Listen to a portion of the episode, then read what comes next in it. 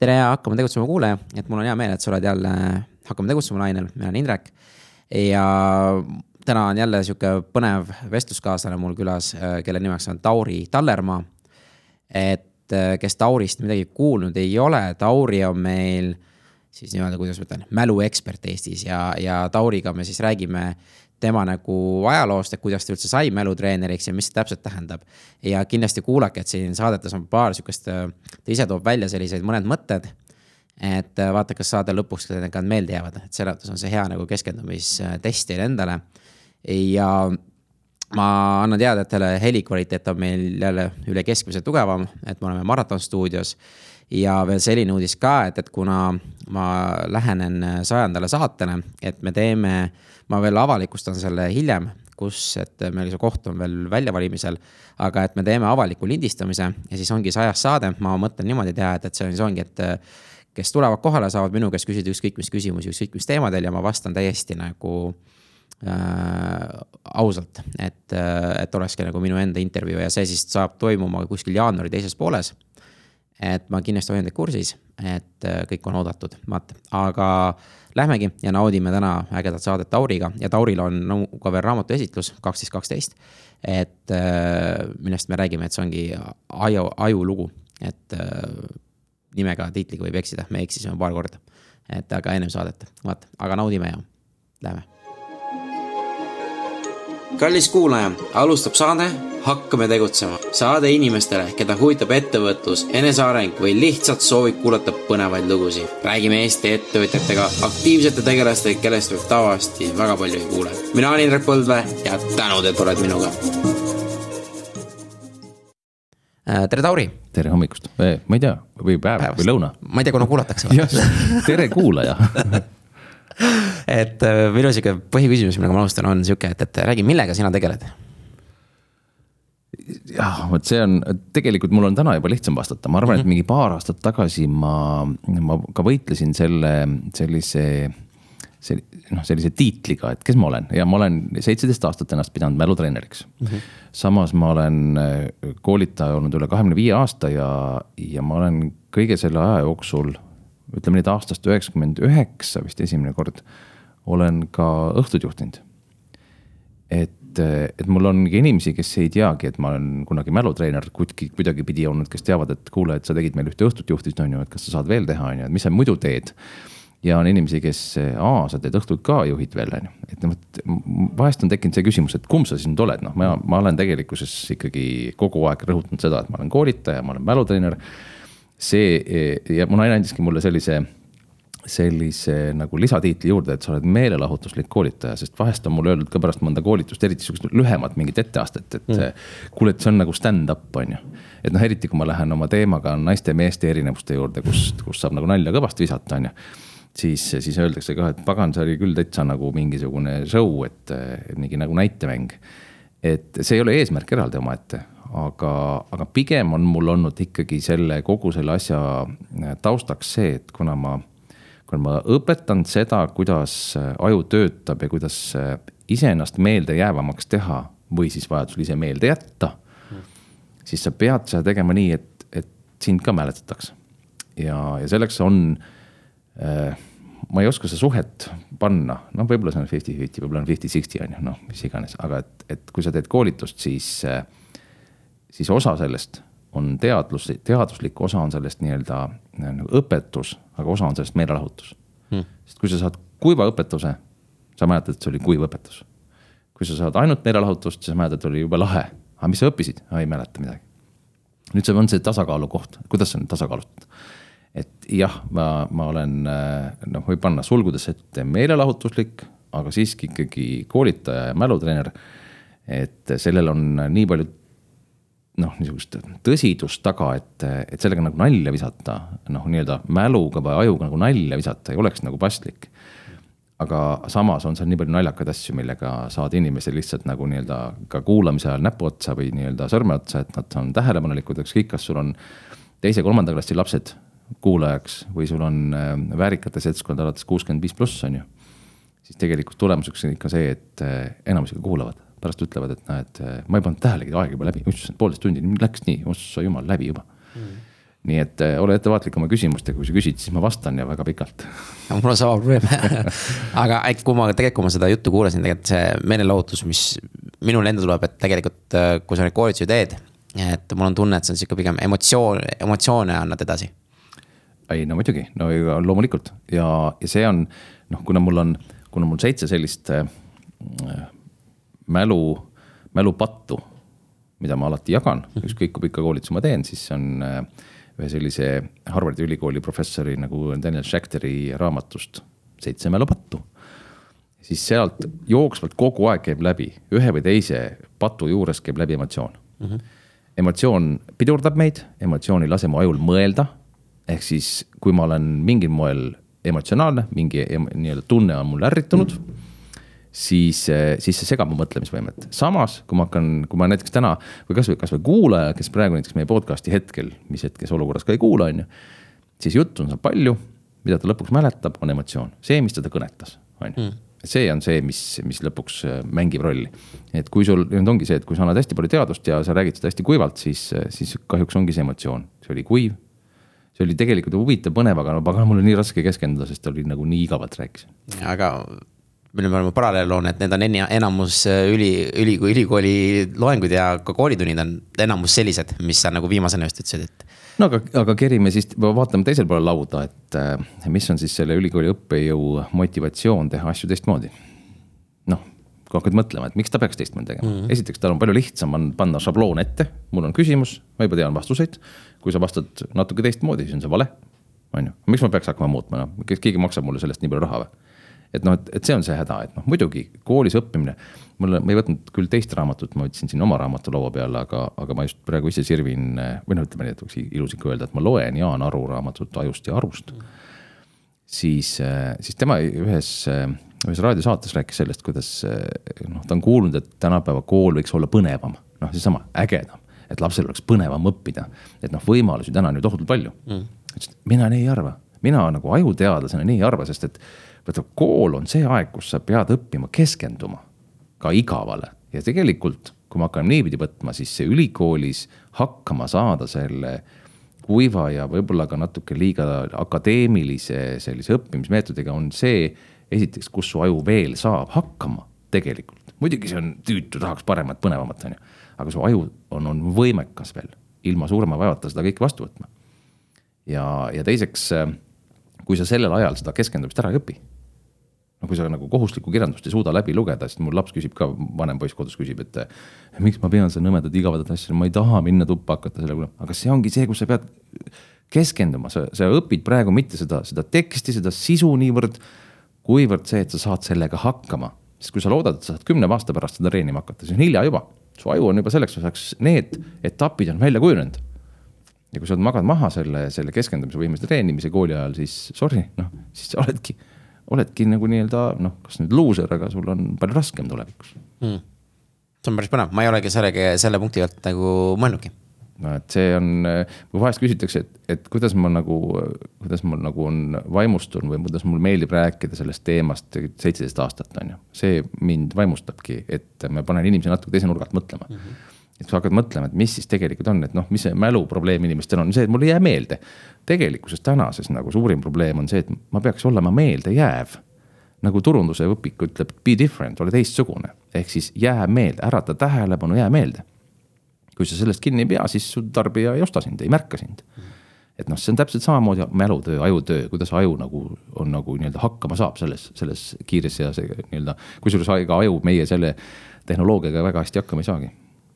Et seda tuleb liiga palju peale, on ju jah, just alles oli, kuulsin mingist äh, uudisest seda, et, äh, et täna teadlased tegelevad juba ka 6K või 6G, 6G nii-öelda tehnoloogiaga mm. -hmm. et kui me täna räägime 5G-st, mis on juba olemas, mis täna ei ole veel massi jõudnud, nii-öelda tehniline varustusväli ei ole veel selleks valmis, aga et, et mis tähendab 6G äh, võrdlus 5G, 5G-ga oli see, et oota, mõtlen, 5G oli tuhat korda kiirem kui 4G võib-olla küll, jah.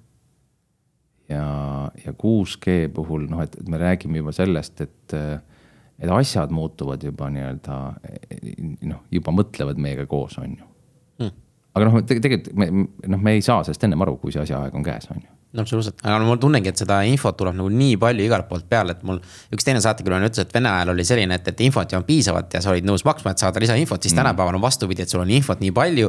ja sa oled nõus maksma selle eest, et keegi teeb sulle neid lühikokkuvõtteid kõikidest asjadest, et toob need bullet point'id ette. noh, nagu Fred Jüss ütles ka ühes selles, selles ööülikooli saates, et täna me oleme nõus maksma vaikuse eest on ju, sest müra on kogu aeg ja näiteks kui sa vaatad, kasvõi lapsed lähevad, ma ei tea, puid lõhkuma või käivad trenni või, niisama chill ivad, siis peab midagi käima, mingi muusika.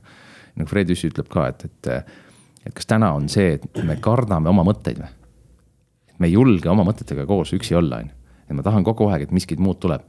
ja noh, lihtsalt no selle info, info kogusest, noh, et ega see aeglasemaks ei jää see info hulk aina, aina kasvab ja kasvab, aga, aga lihtsalt tõi sellises raamatus nagu äh, Korrastatud mõistus, Daniel Levitin, üks sihuke kuuesaja leheküljeline raamat.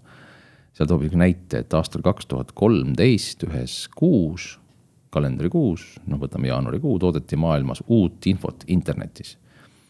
viiskümmend tuhat korda rohkem, kui Ameerika Kongressi raamatukogus on raamatutes sõnu. Hmm..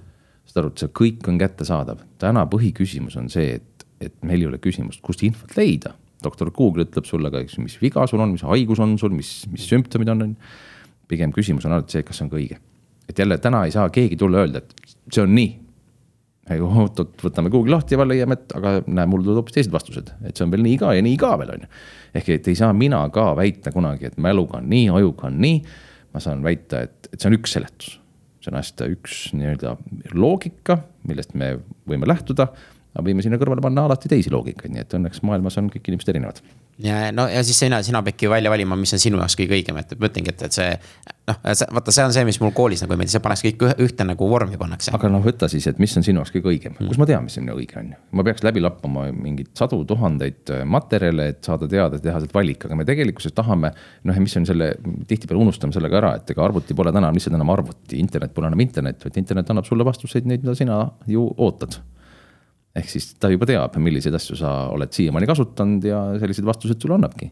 teine teeb sama päringu ja saab teised vastused. noh, et eh, juba see tähendab seda, et, et tema juba, et kui me räägime sellest nagu hirmust, et mis saab siis, kui tuleb ai ehk siis nagu tehnoloogia nii-öelda see äh,. isemõtlevad. isemõtlevad seadmed kõik ehk millal arvuti võtab meie mõtlemise üle, on ammu võtnud juba noh, kui palju meil täna on, äh, istume WC-s telefoniga, on ju, me magame telefoniga, meil on ta kogu aeg küljes, sest et me ei julge sellest lahti saada, sest see FOMO.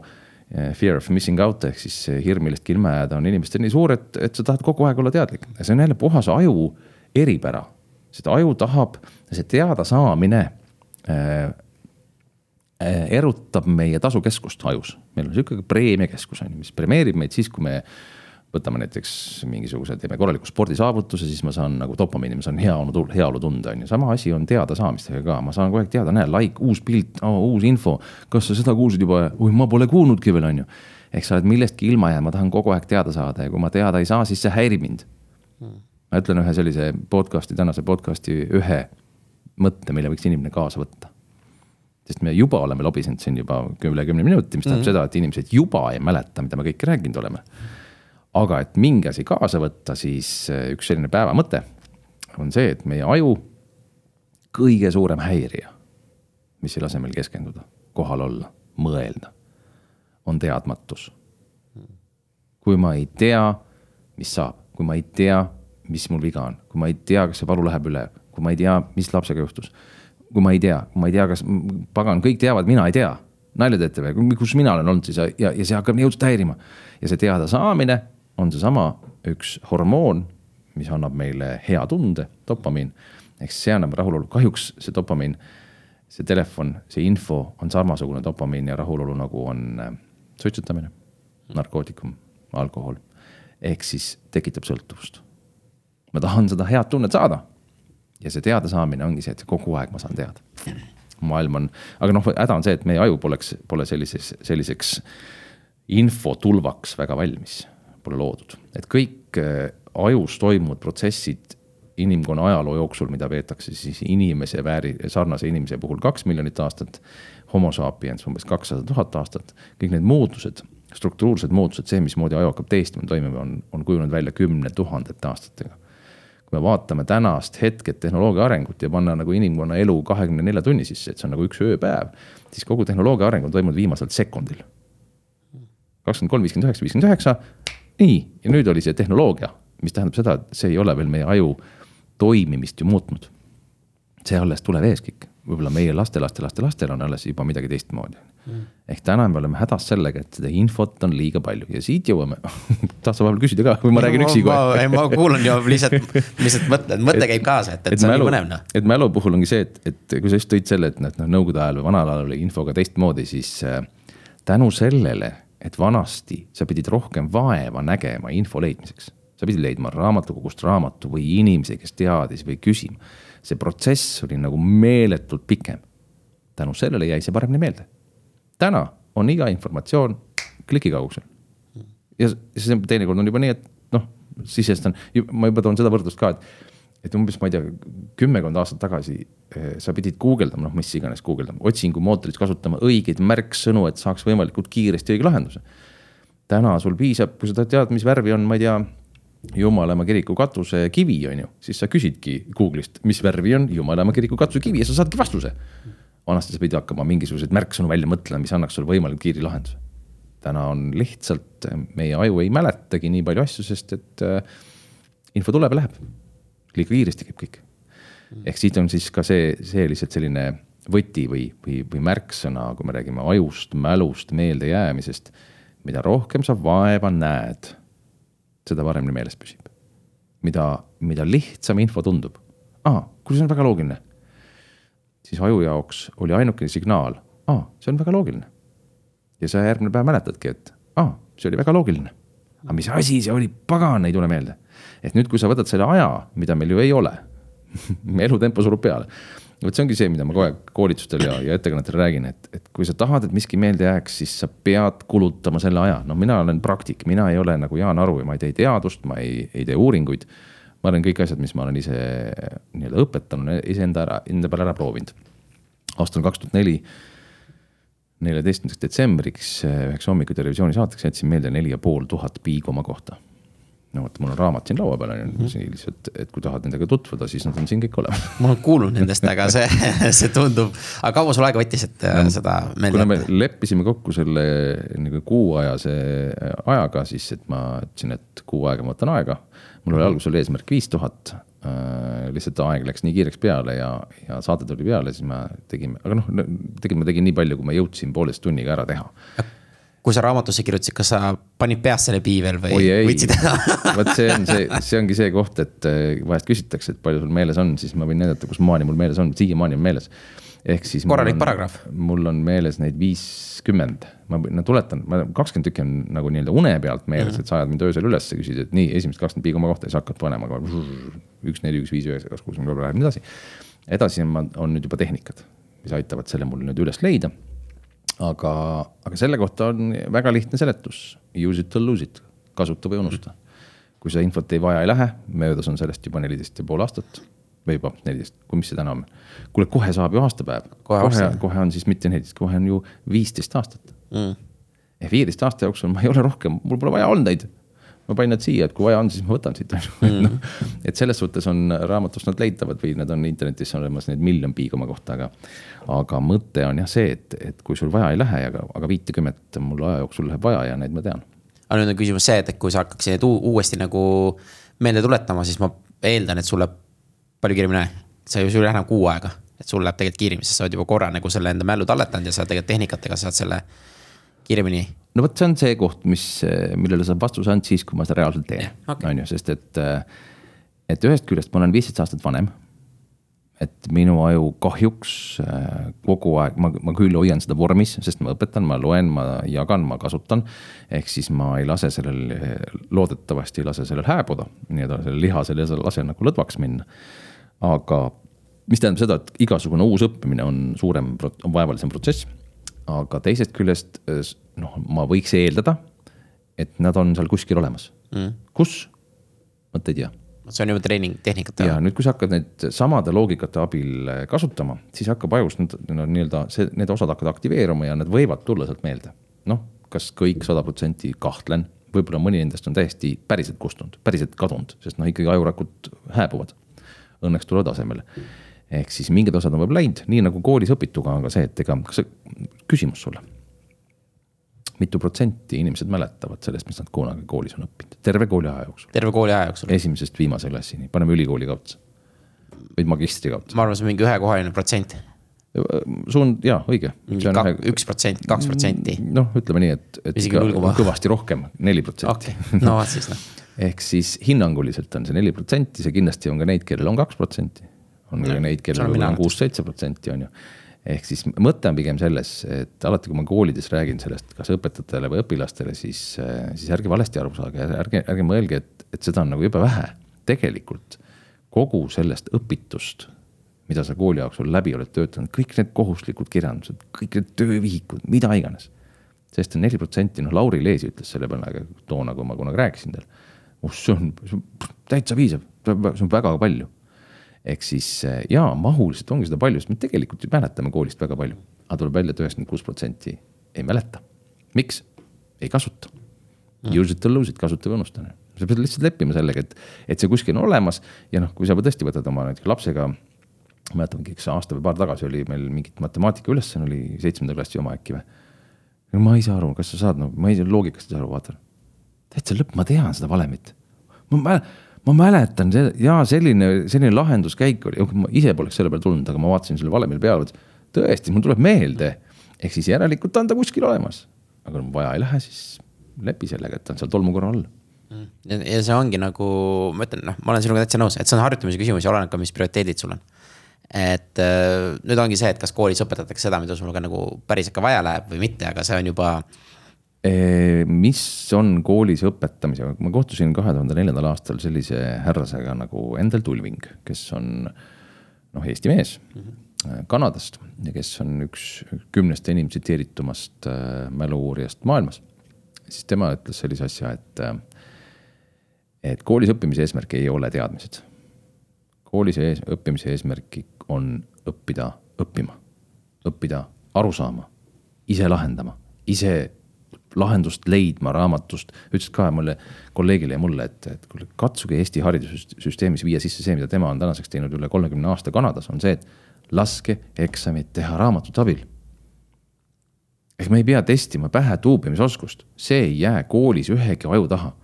jah, kui jääb, siis on tõesti, seal on meditsiiniline probleem või mingisugune kõrvalekalle on ju mingi hälve aga normaalne aju saab igasuguse valemite, definitsioonide päheõppimisega hakkama. kui sul neli protsenti jääb meelde, miks? õpeta parem seda, kuidas leida raamatust sellele sarnasele ülesandele sarnane lahendus. selle abil, mida sa oled koolis kunagi teinud, sellest raamatust vaadanud ja sa saad hakkama, seda läheb sul koolis vaja, tulevikus elus vaja on ju. mitte see, et sa õpid pähe nelikümmend erinevat valemit, kasutad nendest ühe ära ja that's it. no täpselt, aga ei, ma olen sinu selle selle lau-, selle kvoodiga siis või, või edasi ütlesime, et eh, kool on see, kus õppida, õpetatakse õppida.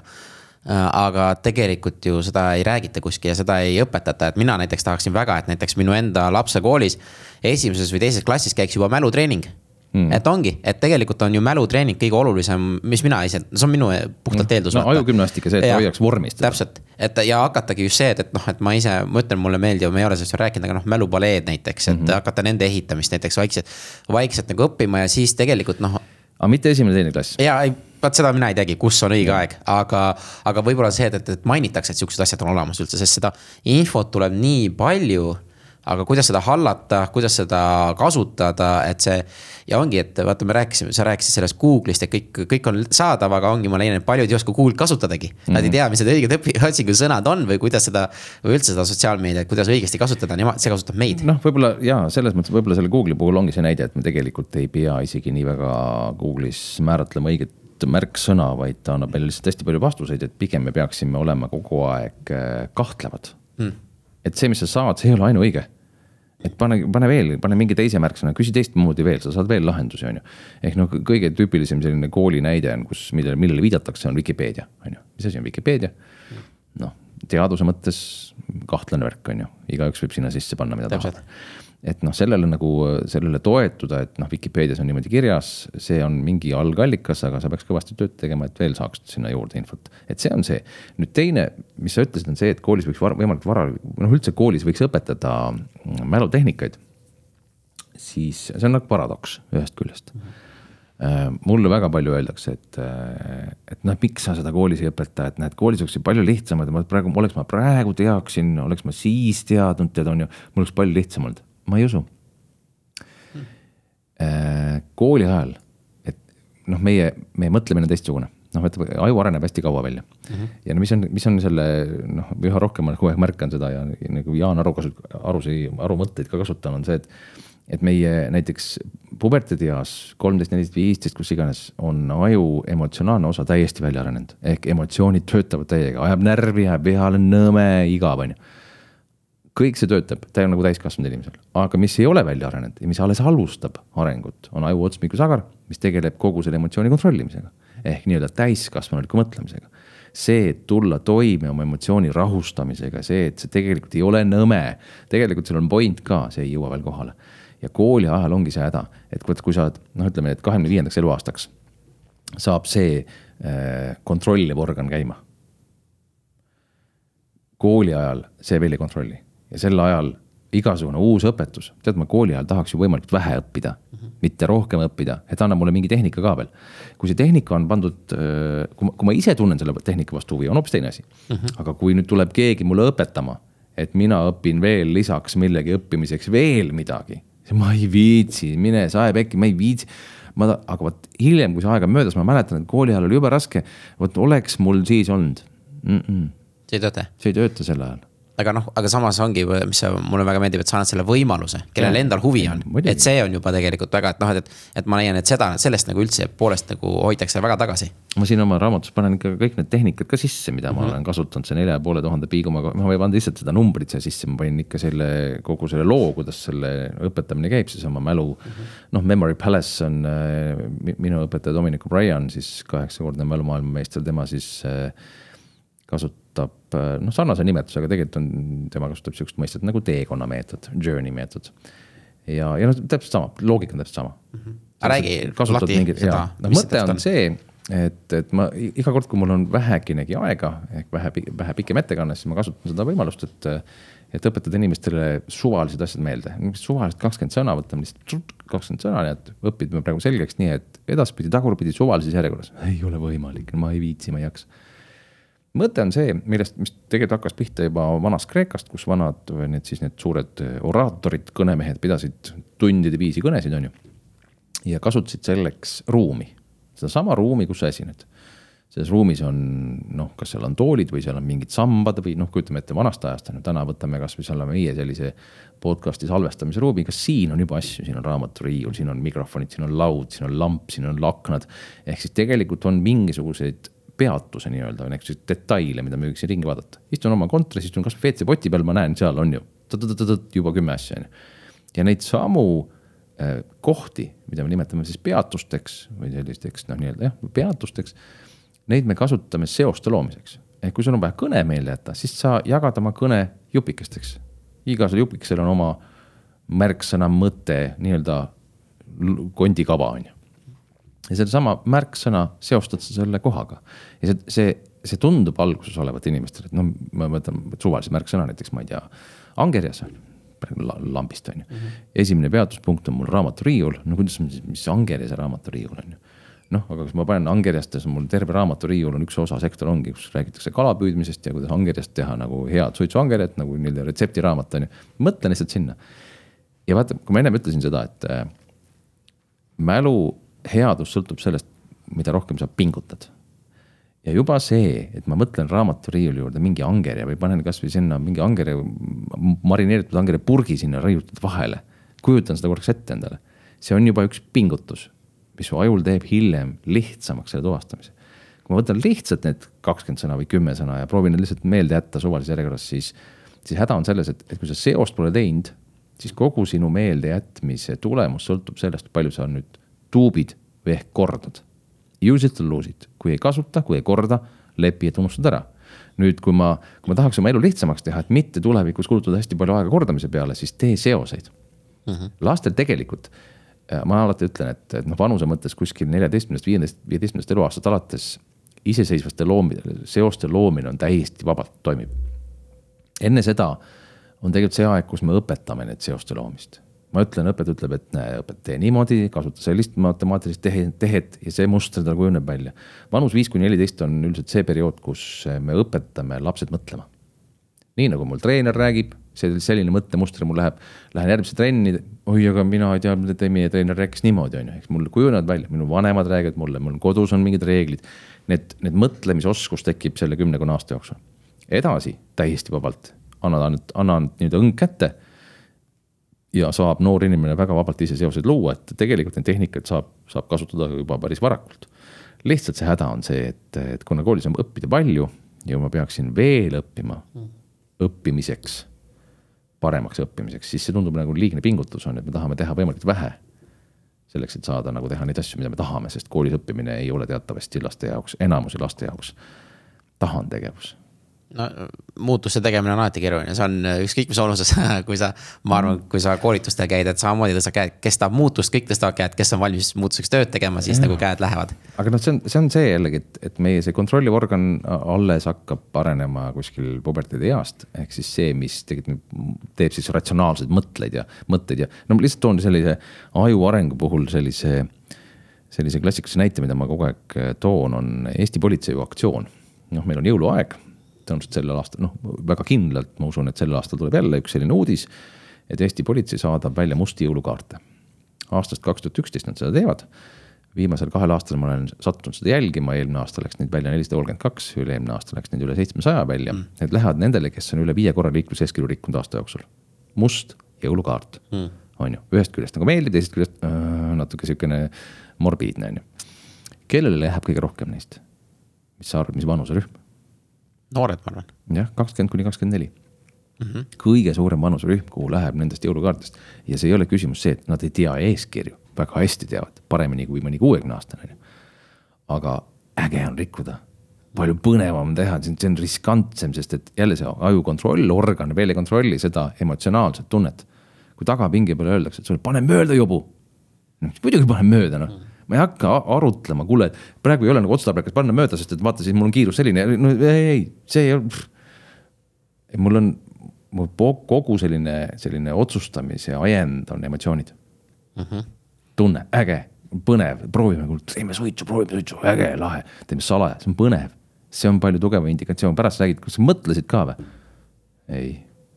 ja nagu praegu ma räägin, siis muidugi jaa, aga, aga sel hetkel ma küll nii ei mõelnud no ongi, emotsioonid tegelikult on ju, nagu mina olen aru saanud, äh, juhivad elu noh. absoluutselt ja see on ka tulevikus, aga vot ongi see, kui me nüüd kooli ajal ei õpi keskendumist ära.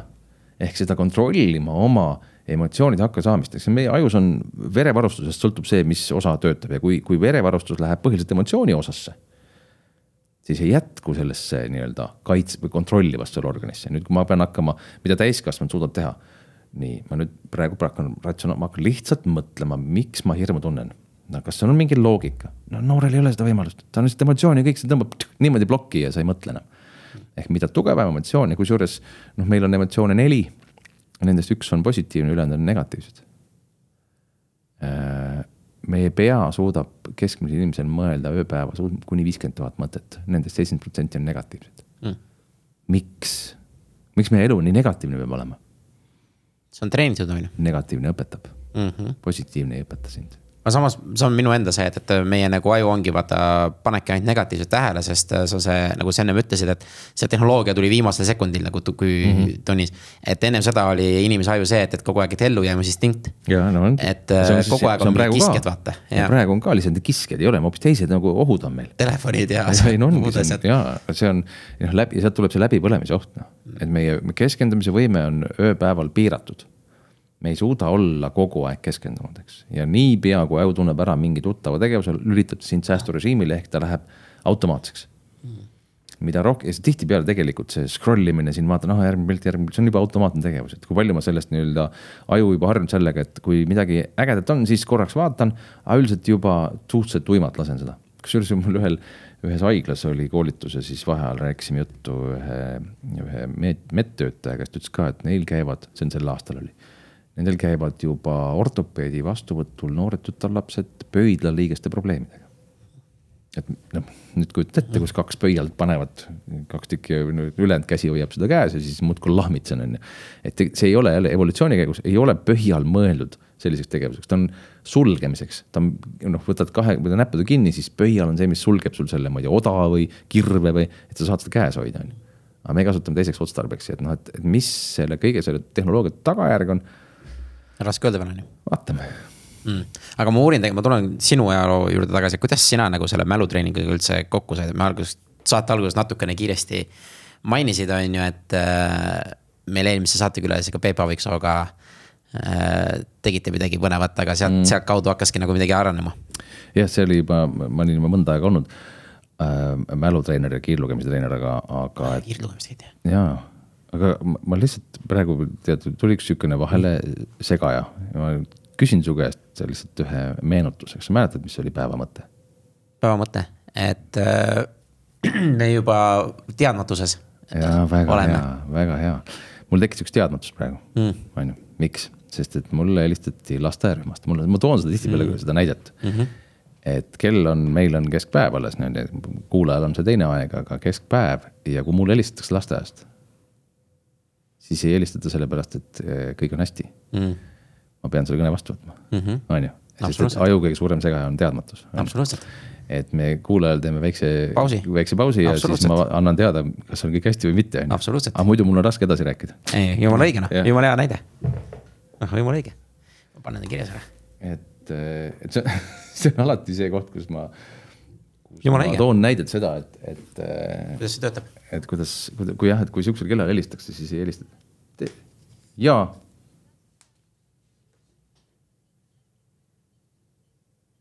no ma just kartsin, ma ei leidnud kummikuid ülesse, noh, just. aga me läheme postikoori, et ma võt-, võt-, võtan ta lihtsalt kaasa. aa, ei usu, et nad, jaa.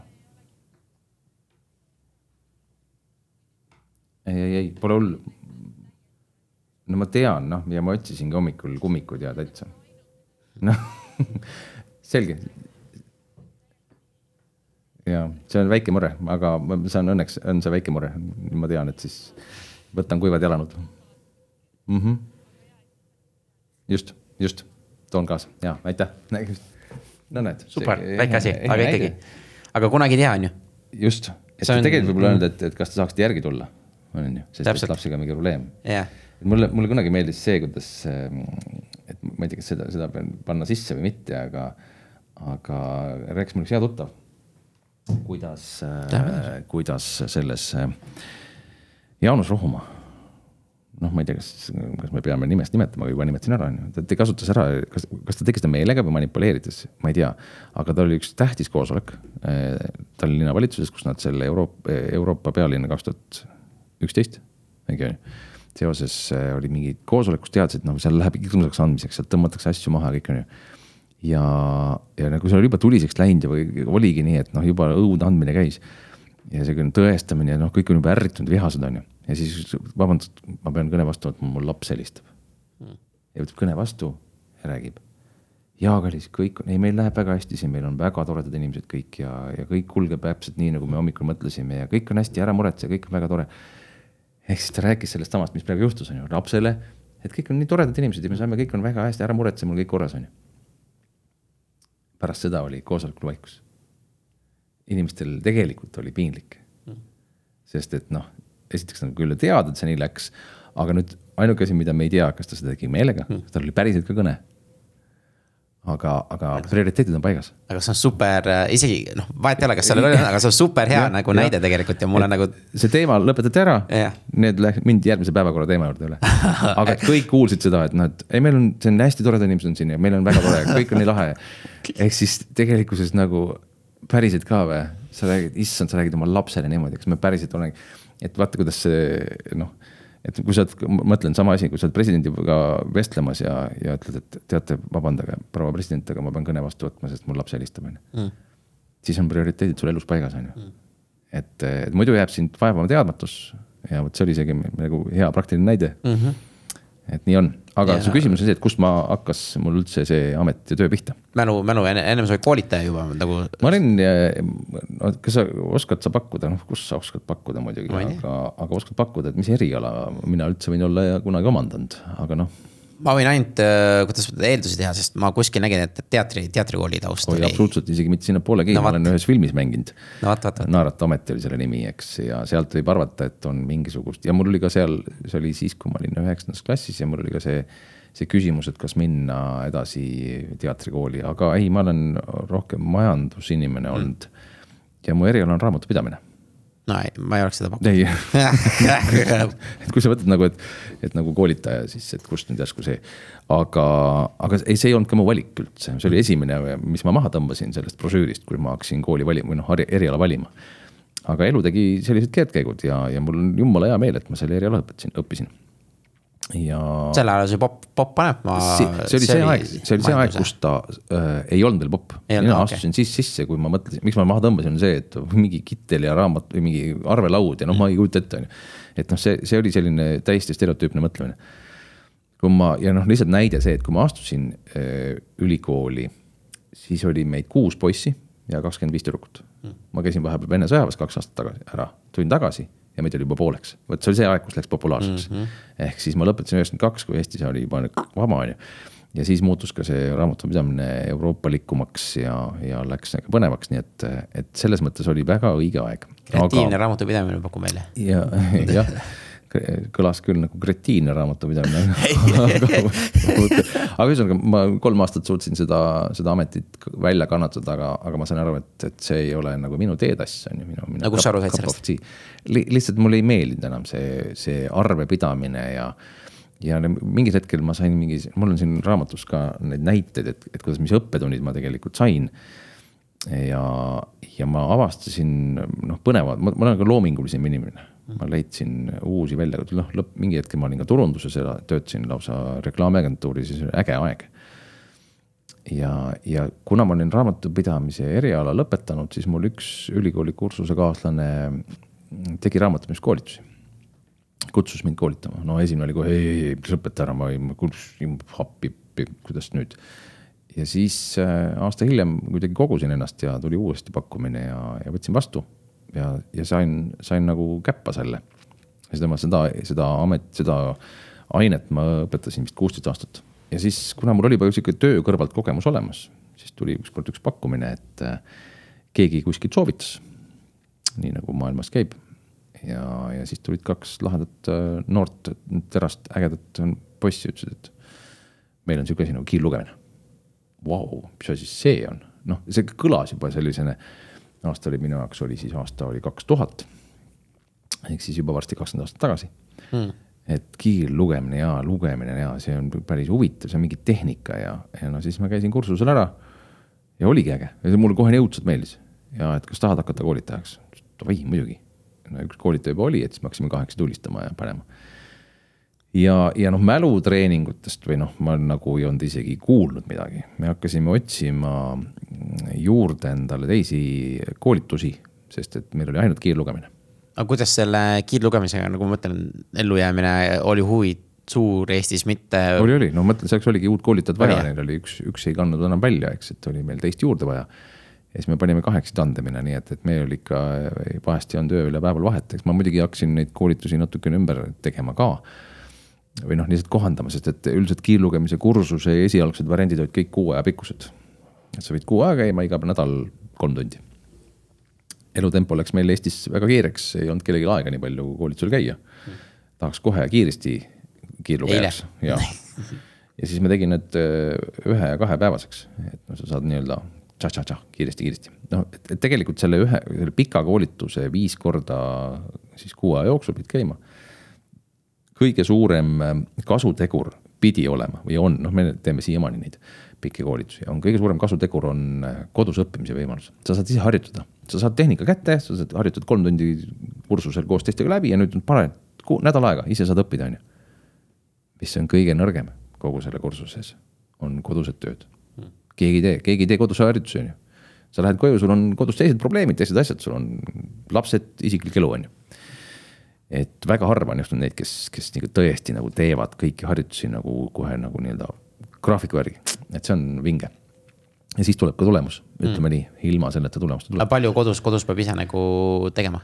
noh, noh soovituslikult ikka sihukene tunnikene päevas on ju, seal on eraldi harjutused mm, -hmm. mida sa pead tegema no muidugi, mida rohkem, seda parem, aga noh, vaata üks eelis võib-olla kiirlugemise puhul või lugemise puhul on see, et, et sa ju loed iga päev ja kui sa saad tehnika, mismoodi natukene efektiivsemalt lugeda, siis sa saad seda kohe proovida.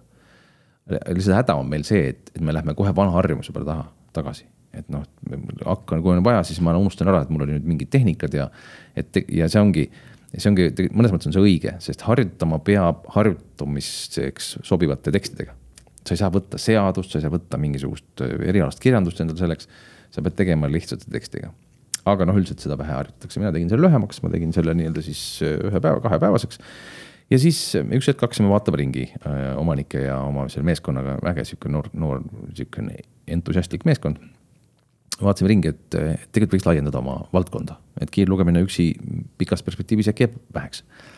ja meil oli fookuses oli siis loovuse treeningud, noh, kiirlugemine, kõik see, et aju ja kujutlusvõime peab töötama hästi ja et noh, loovustreeningud, Edward de Bono oli, on maailmas niisugune üks guru.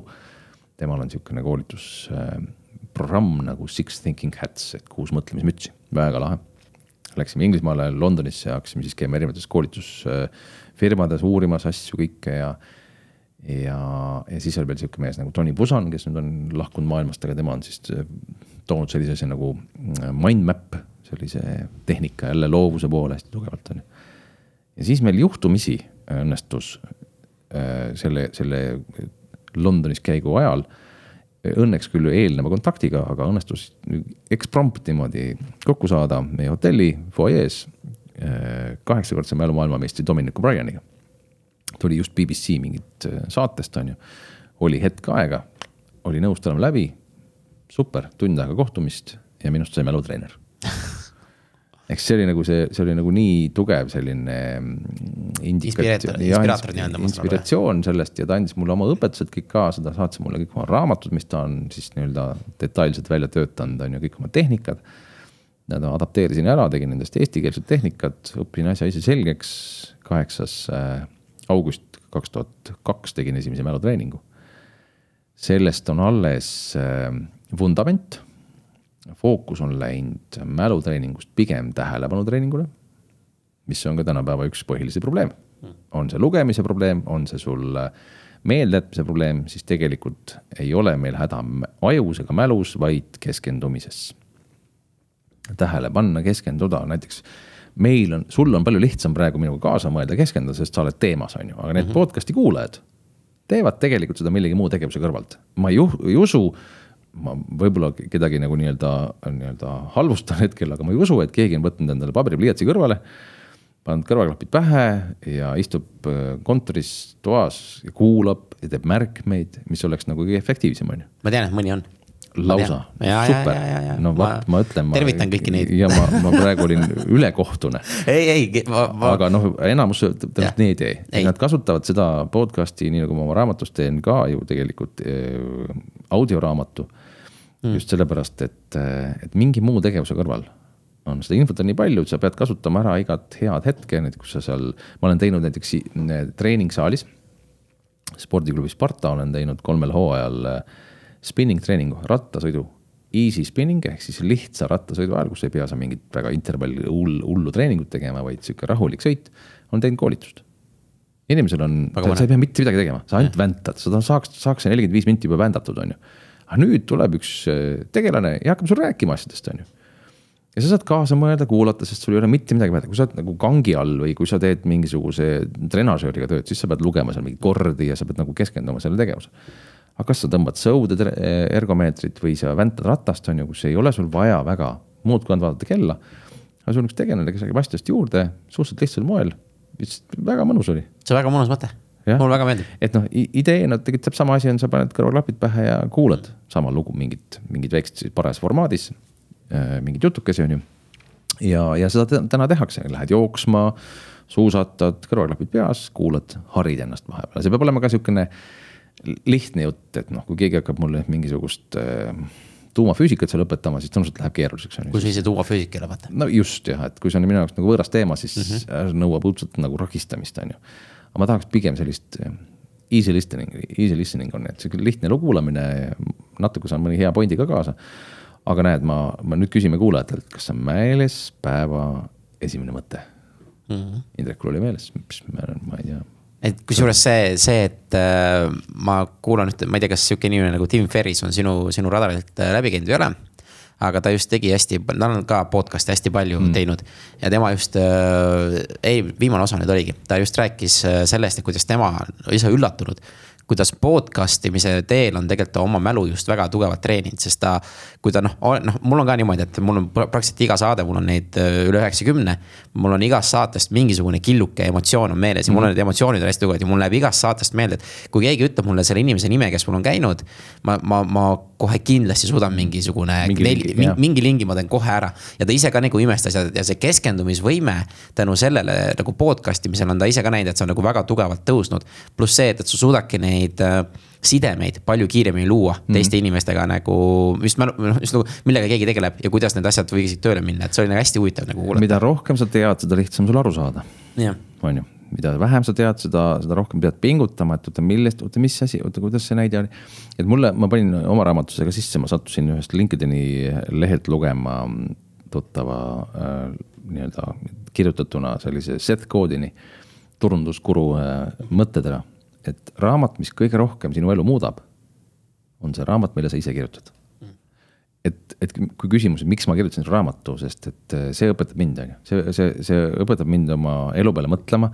ja ma olen selles vanuses, kus ma täna tõesti, ma arvan, et see viiskümmend verstapost on see, kus me hakkame palju rohkem vaatama tagasi et see on mingisugune maagiline number, et, et, et see tõenäoliselt on üle poole sinu elust, on ju, aga ikkagi see on sellise nagu pool sajandit on ju, see on siukene uh,, ainukene tegelikult tõsiseltvõetav juubel, noh. Sest et noh, sajane juubel, palju sa seda ise enam naudid, on ju, aga viiskümmend tegelikult täna vaatad, et noh, ikka täitsa ikka äge veen, noh, nii-öelda tervist küll veel on ju ja kuuskümmend, noh, võib-olla kui ma kuuskümmend saan, siis mõtlen, et oi, kuuskümmend on veel ägedam, on ju. aga noh, ikkagi see on see, see, see aeg, kus me hakkame rohkem tagasi vaatama ja, ja me peame leppima, et selleks ajaks sa pead olema juba keegi sest kui sa siis ei ole, siis on väga raske selleks saada, mis ei ole võimatu mm., aga palju raskem on. absoluutselt kus ma lihtsalt, sorry, ma vahele segan yeah., et mul lihtsalt tuli sinu sellest noh, selle Tim Ferrise podcast'i, mis ma seda kuulasin, seal oli üks arst külas, kes on nagu toituspetsialist mm. -hmm. no ta oli ka viiskümmend, on ju, ja tema hakkas nüüd mõtlema seda, et kui tema sajaseks saab.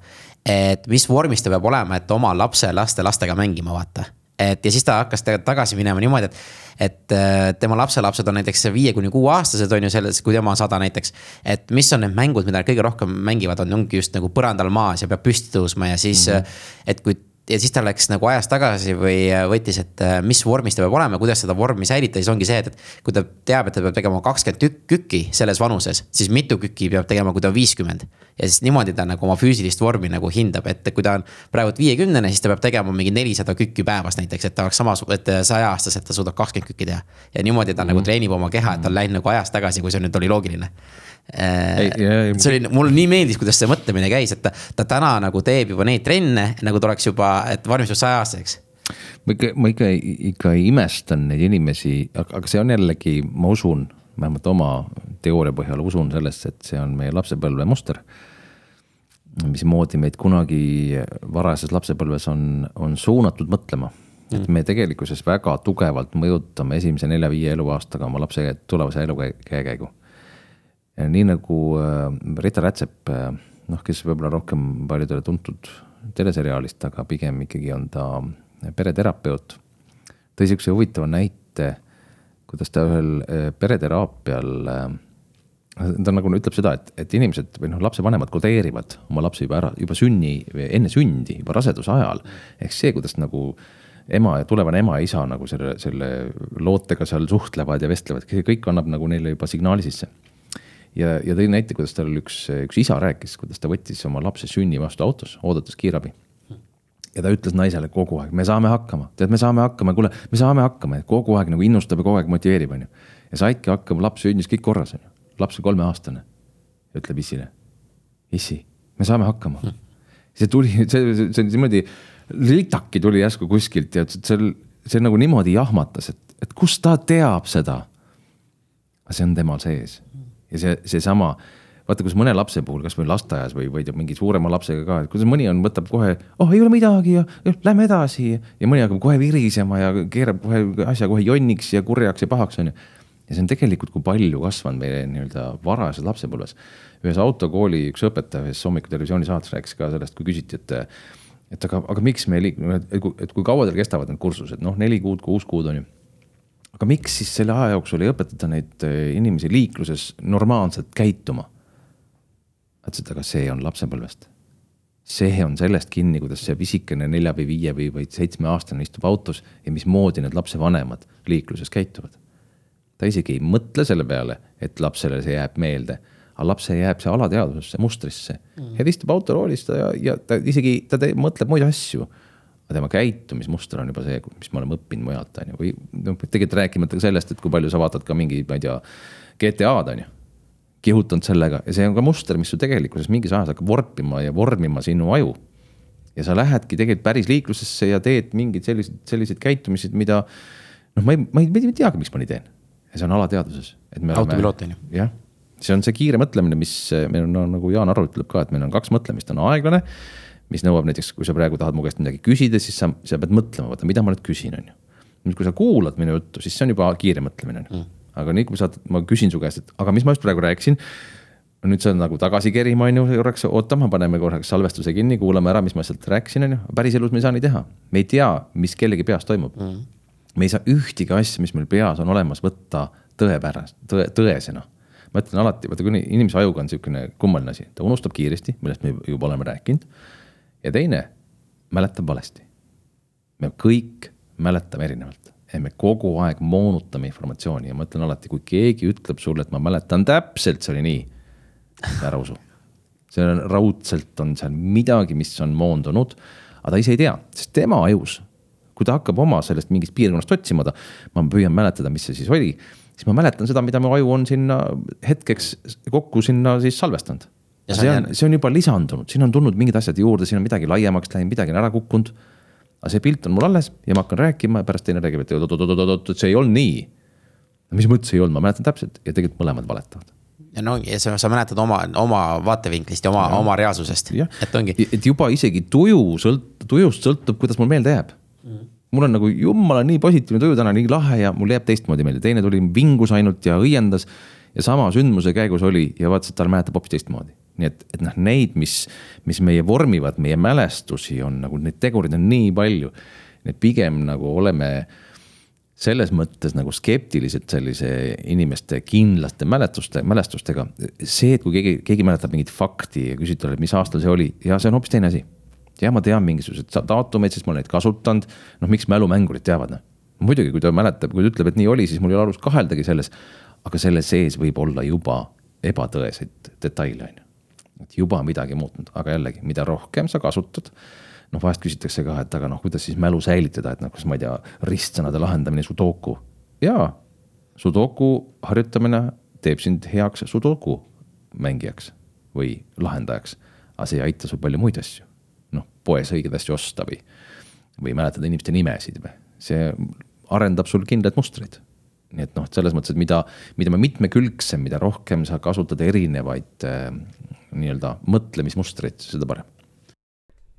teeme siin pisikese pausi, et tänada tänase saate sponsorit, kelleks on LinkedIn koolitused.ee ja LinkedIn on maailma suurim ärivõrgustik, kus on kolmsada viiskümmend miljonit aktiivset kasutajat iga kuu. Ja LinkedIn koolitused aitavad teie, teil ja teie ettevõttel kasvada rahvusvaheliseks, õpetame, kuidas leida uusi kliente, partnereid, töölisi ja brändi äh, arendada ja uuest nädalast läheb ka tööle podcast LinkedIn tips and tricks, et kuulake seda ja need saated leiate kõik LinkedIn koolitused.ee, aitäh ja läheme saate juurde aga nüüd tegelikult see ongi hea segment, et ma just mõtlengi, et paar, paar sihukest endal märksõna, mis ma tahan kindlasti küsida veel. aga kui minnagi, on ju, mis ma ise enne tegin varsti sinu see raamat, et see ei ole ajalugu, vaid ajulugu. et see, see oli nagu väga hea märkus. et sul on siin kindlasti mingid tehnikad sees, aga ma kujutan, et kui ongi noh, algaja, et mis oleks nagu ja kes, kes ei olegi koolis nagu vaata. kolmkümmend pluss, nelikümmend pluss, viiskümmend pluss, et hakkavad, okei okay,, ma tahaks nüüd oma mälu, mälu hakata, ma saan aru, need on kõik erinevad kümnendid ka vaata. Mis oleks need sammud? jumala lihtne oleks ju praegu öelda jällegi, et see oleks nagu niisugune klišeelik, et noh, võtke raamat ja mhm. lugege, on ju, noh, et see ei ole see, miks me, miks keegi praegu podcast'i kuulab, et minna raamatut ostma, aga. aga tead, kui sa, kui sa niimoodi küsid, vaata eks see seitseteist aastat mälutreenerit on, on ka minu ajus kogu aeg muutnud neid tõekspidamisi, et, et üldiselt peaks nagu võtma esiteks sellise arusaamise, et meeldejäämine ei toimu iseenesest. meeldejätmiseks on vaja tegelikult kolme asja mm. -hmm. punkt üks, tähelepanu. noh, see on juba nii läbiräägitud teema, et siin ei ole isegi midagi uut, on ju.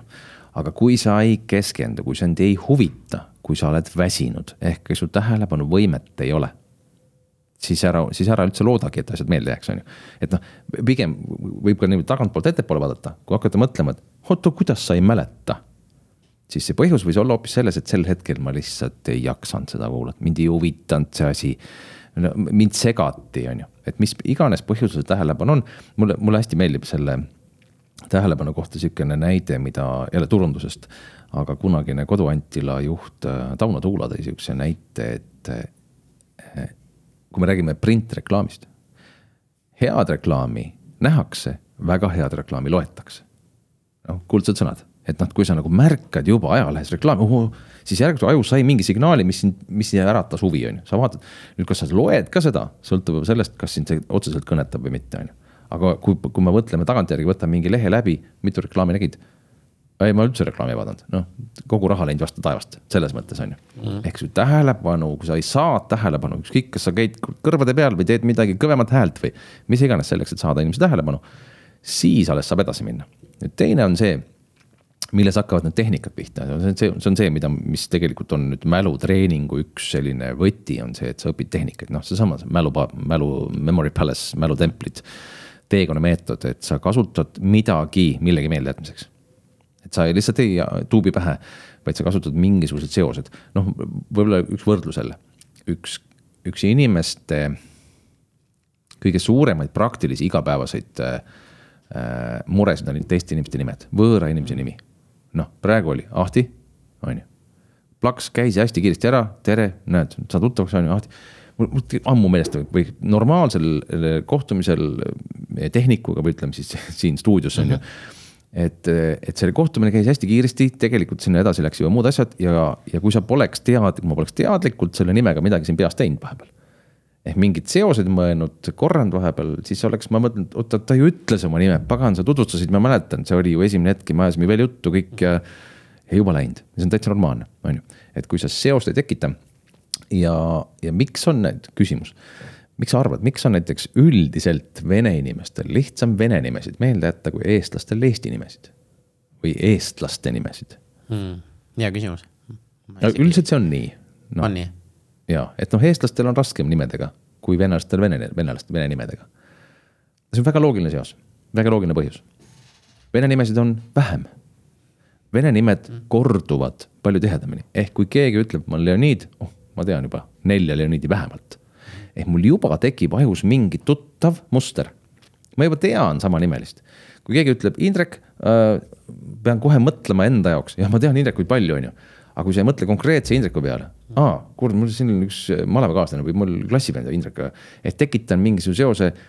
ja see on, see on see koht, kui sa pead natukene pingutama, mingi seose tekitama, aga ma lihtsalt mõtlen, et oh, Indrek, see on tuttav nimi, küll see jääb meelde.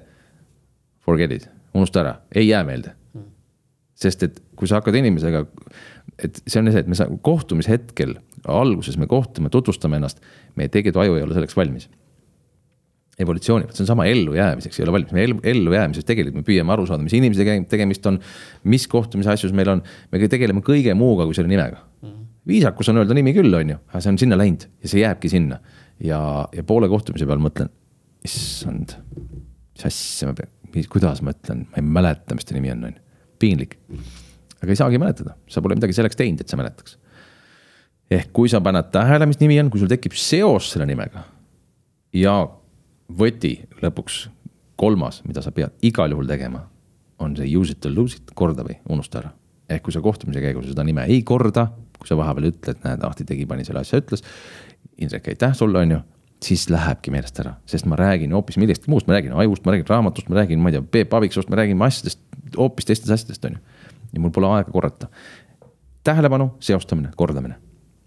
kui sa neid ei tee, ükskõik mis vanuses, kakskümmend viis, kuuskümmend viis nelikümmend viis, vahet ei ole. kui sul on tähelepanu probleem, siis tegele tähelepanuga, kui seosed ei teki, siis mõtle selle peale, et sa pead kulutama aega selle peale, et mõelda midagi.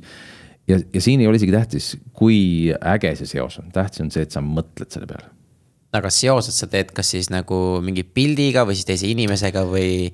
Väga hea küsimus, mis tähendab seostamine, seostamine tähendab alati seda, et kõik uus tuleb seostada sellega, mida sa juba tead. kui sul on selleks teadmiseks visuaalne, sest inimesed on nüüd erinevad, mõned on väga tugeva visuaaliga. mõne jaoks näitepilti tal täitsa, sest tumm mitte midagi ei aita, on ju. teed kõvemat häält, ütled kuidagi imeliku häälega, oh, mul jäi kohe meelde, on ju. ehk auditiivne, inimesed on kuulmismeelega inimesel on erinevad, noh, üldiselt muidugi seitsekümmend, kaheksakümmend protsenti inimestest on need, kes tahavad näha. Visuaal, aga on muidugi neid inimesi, kellel ei aita üks ega teine, vaid aitab hoopis emotsioon või tunne, noh, et.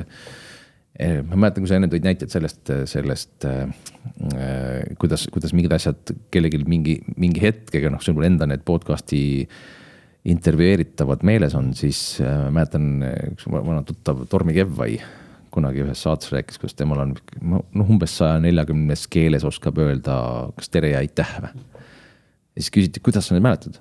Ma mäletan seda inimest, kes mulle õpetas ja kuidas ta seda mulle õpetas, mis olukorras me olime, kus ma temaga olin, selle jaapanlasega on ju. ehk see lugu tuleb meelde, on ju. sul tuleks ka inimene meelde, kui sul, kui sa keskenduksid sellele loole, kuidas see inimene ütles oma nime, mis sa selle nimega tegid.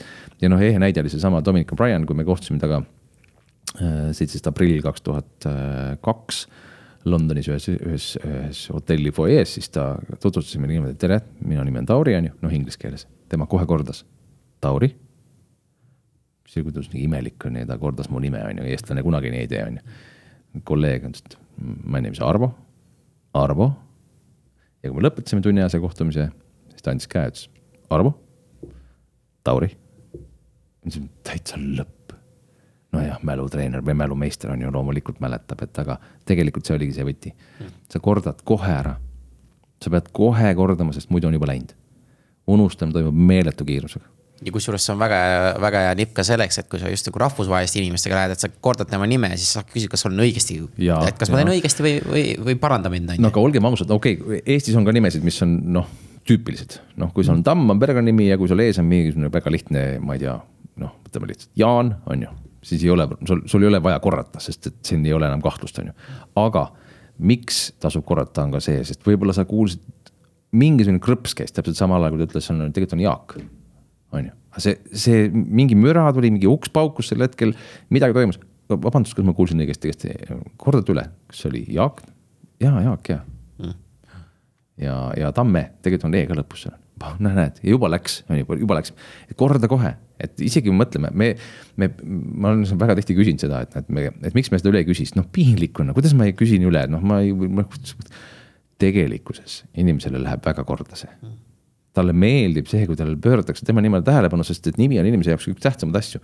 lihtne näide, kui sa annad inimesele pastaka, proovi, ma täna ka võtsin ka pastakaid, et raamatusse autogramme kirjutada. poest ostsin ja proovisin, mida ma kirjutan paberi peale? oma nime mm ja siis pead selle paberi ära viskama, sest muidu pärast on mingid, poes on mingid Tauri nimesid kohad täis, on ju, issand kui piinlik. aga e, automaatselt mõtled, issand küll tobe, ma praegu teen proovipaberile, teen lihtsalt kirjutan mm. oma allkirja ja, ja üldse ei mõtle, et keegi tuleb, vaatab ja näeb allkirja seal on ju.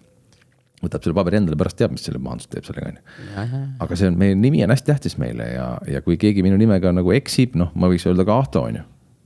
pärast lähen nagu, Ahto, kuidas on noh.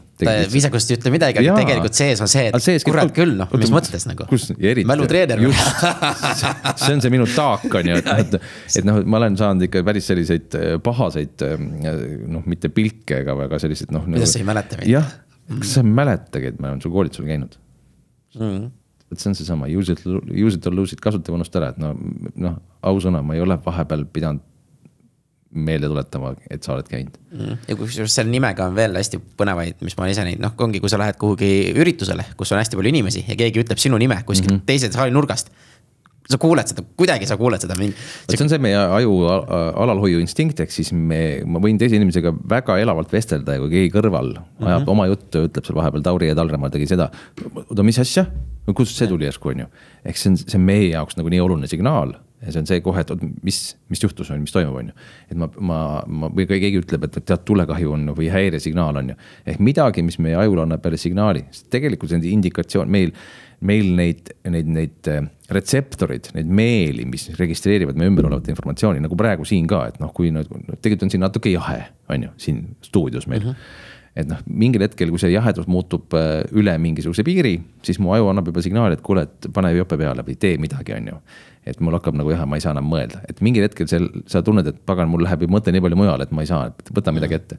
Ja alati ma ütlen ka koolitusel ka, kui teil on külm, palav, pime, hämar, mis iganes, liiga valge, siis öelge, sest kui te ütlete mulle pärast koolitust seda, siis on kogu koolitus hukka läinud. sa tegelikult oled võidelnud millegi muuga elus püsimisega. eks jällegi kõik need muud signaalid kogu aeg töötavad ja nüüd, kui see signaal kuskil ületab mingisuguse nivoo.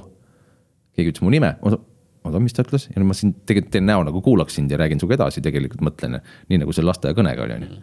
ma pidin ütlema, et näed, räägi, räägi jah, ja, ja oota, mis su küsimus oli, aga nüüd on sihuke värk, et ma pean kõne tegema, on ju ja kui see saate sisse jäänud, siis see laste, lastekõne läks kõik super hästi, et kõik oli väike, väike, väike mure ainult, et ei olnud midagi tõsist. aga, aga see teadmatus oli nagu. jah, muidu oleks mis... podcast poolik, poolikuks jäänud, kuule, ma pean nüüd tormama, on ju, et lasteaias on probleem. jah, aga, aga sellest teadmatusest just nagu rääkida ongi see, et kuidas sina nagu soovitaksid teadmatuse vastu võidelda siis, et, et see. see on väga, ma, ma ise ka tunnen seda kogu aeg, ma ei tea ju, mis mina saan, mõtlen järgmise kuu, kas ikka lähevad niimoodi asjad, et. Et kuidas ma saaks ennast treenida nagu sellesse, et, et ma ei muretseks selle pärast nii palju ehk siis teada saada või? näiteks või siis, või no mis aitaks nagu, et ma saan fok fokusseerida ja, ja tähelepanu hetkesse ähm,. sihukest meest nagu Anthony Robbinsit oled kuulnud, et Tony Robbins on ju, noh. ma usun, et siin äh, raamaturiius Peep Vainu raamatus on ka Tonist, ta on ise kohtunud Toniga ja muidugi eriti veel, aga noh. Eh, no jällegi selline juhtimiskuru. Eh, igaüks võib hinnata nii, nagu tahab seda. aga tal on sihuke hea ütlus, et ega ükski inimene ei ole loomult laisk, vaid tema eesmärk on jõuetu. noh, mille mõte, mõte on see, et kui sul on fookus paigas. inimene leiab seda, seda, mida ta otsib, et kui sul on fookus paigas, mille nimel sa pead pingutama, ehk siis, siis selle nimel sa otsid ka endale vastuseid. mida selgemalt sa enda jaoks ära sõnastad, sama, et miks ma seda raamatut välja annan, miks, miks ma seda teen, miks ma selle pingutuse võtan, ma alustasin kümme aastat tagasi selle ideega viimased kolm aastat olen nagu nii-öelda kirjutamisega siis mingil määral tegelenud vähem, rohkem. ehk siis, aga sellel raamatul on mingi eesmärk ja, ja nüüd, kui eesmärk tegelikult, miks tal venis ja venis, venis. ja miks see lõpuks läks, sai, üks hetk sai valmis, on see, et eh, kirjastus ütles, et tead, me andsime nüüd raamatupoodidele kuupäeva. et selleks ajaks on nüüd noh, nemad juba lubasid edasi mm. et muidu oli see meie omavaheline kokkulepe, et mina luban, noh, lähme teeme edasi, okei okay,, teeme. teeme, okei okay,, teeme kevadeks, on ju. Et noh, ei ole kiiret kuskile, et teeme rahulikult ja nüüd, kui nemad juba lubasid, siis sul muutus tähtaeg, tuli fookus hoopis teiseks ja sa võtsid aja maha mujalt, andsid pere kõrvalt, vabandust, kuule, ma lähen nüüd üles tuppa, teen seal, on ju. ja, ja, ja oli fookus hoopis teine, niikaua kui sul tähtaega ei ole, niikaua kui sul eesmärki ei ole kindlalt selget, mille nimel pingutada. et ma ei sure praegu siin laua taga janusse ära, sellepärast et ma lihtsalt olen nii laisk, et ma ei viitsi vett küsima minna, on ju. ei, järelikult ei motiveeri enam. Et see, mis aitab mul nii-öelda jälle nagu maha rahustada ennast, et et hoiame fookus paigas. nagu see Tony Robbinsil on seesama, kaheksakümmend, kakskümmend. kaheksakümmend mõtle küsimusele, miks sa midagi teed. ja kakskümmend protsenti, kuidas sa teed. väga tihti me paneme fookust teistpidi mm.. kuidas teha, kuule, kuidas kiiremini lugeda, kuidas on mälu treenida. oota, aga, aga miks sul on vaja mälu treenida? miks ja, ja miks siin on alati kaks vastust? hästi lihtne. Miks siin on kaks vastust, üks motiveerib, teine ei motiveeri mis need on, tead, muidugi tead ei, ma, ma, ma, ma, ma ise eeldan, et see aju, aju, aju selle. ega ma ütlen, sa tead kohe, muidugi nii on, on ju. aga miks me midagi teeme, miks me teeme praegu podcast'i, miks me siin istume, miks ma lähen pärast näiteks, ma ei tea, raamatut viima sellele, teisele, kolmandale, neljandale, on ju. miks ma seda teen, kaks varianti. kas ma tahan või pean? noh, kui nii võtad, on ju. isegi kui ma vajan midagi, siis järelikult ma tahan seda mm.. Ja nüüd siit tulebki selline nagu täiskasvanud inimese mõtlemisvõime kumb on sinu jaoks meeldivam? kas tahan või pean? tahan ikka. miks? sellepärast see on midagi, mis mulle, mulle meeldib ja noh, mulle. aga miks sul pean ei meeldi? sellepärast see on sunn, sunn, sunniviisiline. tundub, et üks oleks nagu mulle, teine oleks nagu kellelegi teisele, on ju, et noh, koolis käimine on pean või tahan, no ilmselgelt. pean käimine. on ju. no on ju, loomulikult. noh, aga vot täiskasvanu inimesel ja see täiskasvanu aju hakkab alles kahekümne viiendast eluaastast. tuleks nüüd mõelda niimoodi. Mik-, tähendab see tahan on tulemus, mis ma tahan saavutada. tulemusega ainuke on see häda, et tulemust ei saa kunagi kohe kätte mm -hmm noh, ma tahaks, isegi me tahame selle, selle, selle podcast'i ära teha, siis me ei saa seda teha, meil on, me peame selle poolteist tundi või kaks tundi või tund aega, me ei saa nii, et, et no nüüd on valmis, on ju, podcast tehtud, on ju. ma pean selleks aega kulutama. ehk siis ma pean oma tulemuse saavutamiseks midagi tegema. pean on tegevus, tulemus on tahan ehk kui sul mingisugune päev on mingis olukorras tunned, et pagan, jälle ma pean seda tegema, siis võta korraks aega maha, oota stopp. kas see on mingi põhjus, miks sa seda tahad teha? ja kui seal on see põhjus, on sul palju lihtsam sellele pean tegevusele ennast äh, keskenduda. sest see viib ju tulemuseni. aga kui see tulemuseni ei vii, siis nagu ma alati ütlen, et täiskasvanud inimene ei pea mitte midagi tegema, mida ta ei taha teha. et kui sa ei leia sinna seda vastust, et tahan, see annab mulle tulemuse ma tahan hommikul, ma tahaks täna magada, pagan, me eile tulime lapsega väikse reisiga ja mõtlesin, et ta oleks tegelikult palju lihtsam, kui ta ei peaks hommikul kohe lasteaeda minema. aga ma, meil oli hommikul kokkulepe, mis küll muutus, on ju mm. salvestamise osas. aga et ma pean tegutsema ja tegu ja tegema, et ma pean selle ära tegema, sest ma tegelikult ju tahan. ja nii ongi, inimesel ongi kaks valikut, alati on lihtsam keskenduda, mõistlikum keskenduda tahan tulemusele. ja selle tulemuse saavutamiseks sa pead midagi tegema noh, nii nagu mina iga päev või mingil hetkel pean kirjutama. sa pead võtma kätte, sa tegelikult tahad ju raamatut välja anda. keegi ei sunni sind seda tegema. noh, sama, et kas ma praegu kuulan, kui ma, kui ma tahan seda podcast'i kuulata, mulle tundub, et see teema oleks huvitav, siis ma pean selle aja leidma uh. -huh. on ju, ja see ongi, nii lihtne ongi, pean on tegevus, tegevust on lihtsam ära teha. tulemust saavutada kunagi kohe ei saa. kui tegevused viivad tulemuseni, siis on kõik hästi üks sihukene ja seesama pausi või see aja mahavõtmise kohta on üks sihukene hea väide. Äh, psühholoog Anu Virovere ütles kunagi ammu-ammu juba ühel, ühel koolitusel. psühholoogidel on sihuke väide, et äh, suitsetavate inimeste seas on vähem läbipõlemisefektiga mm. inimesi kui mittesuitsetavate seas. miks? ma olen kuulnud seda, ma tean seda no,. Nad võtavad rohkem pause. no just Nad võtavad aja maha, nad leiavad iga päev aega iseenda jaoks ja seda peab, seda aega, mitte suitsetamist vaid aega leidma ka mittesuitsetaja. kes tihtipeale ei oska, ei taha ja see ongi see, et me tormame ja siis me tulistame ja õhtuks on nii palju teinud, midagi ära pole teinud, aga kogu aeg midagi teinud. oota, stopp. kas sa pead seda tegema või sa tahad seda teha? Äh, noh, tegelikult ikka natuke tahan ka jah, okei okay., vot siis on hoopis teine asi aga niikaua, kui sa tunned, et sa pead ja siis sa oledki nii-öelda teiste poolt tõugatav ja lükatav ja kõik on, mina ei ole oma elu kontrollida ja. ülemus on loll ja, ja, ja, ja maailm on kehv ja Trump on mis iganes, on ju, ja meie, meie valitsus on kes iganes ja. ja, ja kõik teised on süüdi, ei, see on sinu elu mm.. sina võta korraks aega maha ja mõtle, mida sa oma elult tahad. vot selle raamatu, see ajulugu mitte ajalugu mm. -hmm. ajulugu ülesehitus ongi see, et, et pane endale see siht paika ja võtame need etapid, käi läbi, kes kiiremini, kes aeglasemalt, vahet ei ole. aga su ajul on mingisugune arenguetapid, millest noh, sa ei saa üle hüpata, noh, sa ei saa kiiremini. no ei saa olla nii ultimatiivne, muidugi saab kiiremini, aga noh, kas sellel kiirusel lõpuks on see oht, läbipõlemise oht. et kui sa tõmbad nagu asjad väga kiiresti käima, siis äh, siis sa ka kulutad väga suure energia ära ja et, et kas äh, see tasama tasakaal, mis on elus hästi oluline mm.. et kas sa selle tasakaalu siis paigast ära ei lükka, kui sa nagu teed asjad liiga kiiresti ära ja mis siis lõppu jääb jah, ei ma, ja ma olen sellega nõus, et ja ma arvan, et need küsimused, et miks on hästi oluline, et miks sa midagi teed. et mis, mis, mis on see lõppeesmärk ikka, kuhu sa tahad nagu jõuda sellega, ma arvan, et, et. see on, see on nii nagu tegelikult igal koosolekul või ma ei tea, müügi eesmärgil, me istume ja saame kokku niimoodi, et tead, meil on, tahaks esitleda midagi, no nii, esitle, hea küll, tule, leiame ajaga nii.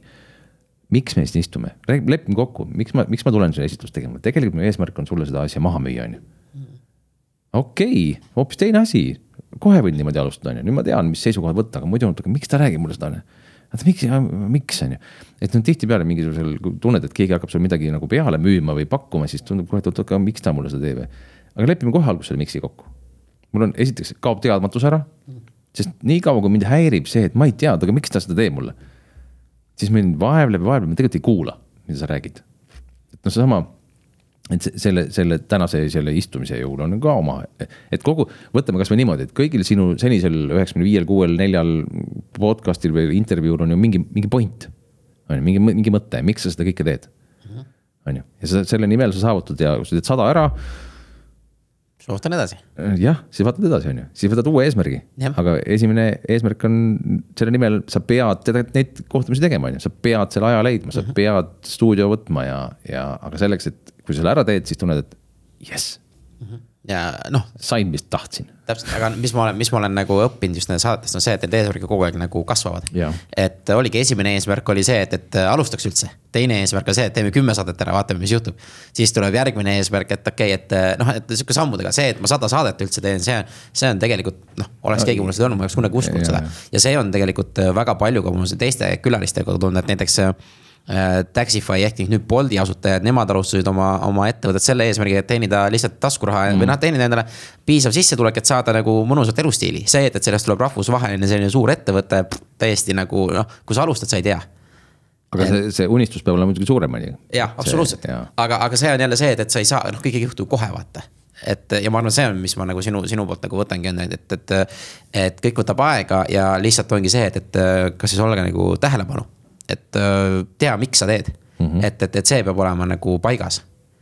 muidu, muidu sa, ongi sihuke rööpvähklemine ja see on, see on ka teiste jaoks, kellega sa koos, sest vaata, inimene on sotsiaalne olend, ta ei ela üksi, on ju, et isegi noh, kui sa hakkad kellegagi koos elama või hakkad lapsi kuskile kooli viima ja uut, talle kooli valima või lasteaeda valima, siis tegelikult ka, et aga miks, miks eesmärgiga, miks, mis me tahame, et ta saaks, on ju, mis ma tahan sellest lapsest üldse saavutada või et kasvab ise oma elu või et, et mida rohkem meil ka paari suhtes või ka töökollektiivi suhtes on selgelt see eesmärk paigas, seda rohkem me fokusseerime sellele, aga. ma olen siin korduvalt ja korduvalt läbi käinud selle, et kasuta või unusta, ehk meil lähevad asjad meelest ära. sedasama eesmärki tuleb ka kogu aeg meelde tuletada. väga tihti, kui ma küsin mõnes ettevõttes, seal teen koolitust, siis küsin, aga mis teil põhiväärtused on? noh, ei jah, ja neid on meil, on olemas ja, ja, jah, et ma kohe vaatan, on ju, mis seal on, on ju et nendest põhiväärtustest on jube vähe kasu, kui need ei tööta, ehk siis need, need inimestes on nad, kui me neid kogu aeg meelde tuleta. juhi üks ülesanne on kogu aeg neid asju nii-öelda igapäevases elus äh, kõnetada noh, seostada, et inimesel tekiks mingisugune samastumine sellega. sest miks on põhiväärtused vajalikud, samas, Tony Robbinsil on need toodud, see on seitsme sellise edu tunnusel, mul raamatus sees mm. et äh, väärtuste, ühiste väärtuste ja põhiväärtuste sihukene teadvustamine, mis, mis on tegelikult, mis meid koos hoiavad ja kui mul neid, neid ühiseid väärtusi ei ole, siis me koos ei püsi. on see paarisuhe, on see töösuhe, aga kui inimestel on, ajavad erinevas, erineva eesmärgi nimel oma seda, seda töökohta, on ju siis lõpuks see laguneb kuskilt, kaob keegi ära ja ei, ma ei, ma ei taha selles seltskonnas olla, mind ei paku. et varem või hiljem sa mingi hetkel neelad alla, mõtled, ei, ma pean tööle minema, sest ma tahan, on ju nagu palka saada. siis kui sa vaatad, et see on ikka nii nõme seltskond, no mõtlesin, ma, ma saan hakkama, aga üks hetkel löövad need põhiväärtused, sul on nii sinu seedimise paigast ära, et sa lihtsalt ei pea vastu mm.. ja sa lähed jälle uut väljakutset otsima ja ongi see, et kui sa terve eluga niimoodi, et kui sa pole nagu enda jaoks nagu lahti mõtestanud, mis sind siis, mis sind köidab, mis on see, mis sind nagu nii-öelda erutab. siis sa jäädki otsima ja siis oledki seal nelikümmend, viiskümmend, kuuskümmend on ju ja ikka otsid, noh ja siis mõtled, miks mu elu on nii on läinud. hakka varem otsima mm ja noh, ongi eesmärgistatud, ma ise tunnen, aga ma tahan äh sinu käest on hea küsida, et kuidas sa, kuidas sa ise praegu õpid? Äh, kuidas ma õpin? miks see, et ei ole nii lihtne vastata, kuidas ma õpin, et noh, mul hakkab pea kohe keerlema igasugust asju, et üks ühest küljest ma õpin läbi lugemiste mm. -hmm. et oma raamatu kirjutamiseks ma olen ju tegelikult äh, ma isegi ei kujuta ette, palju ma olen nagu materjali läbi töötanud, see kõik on mind õpetanud.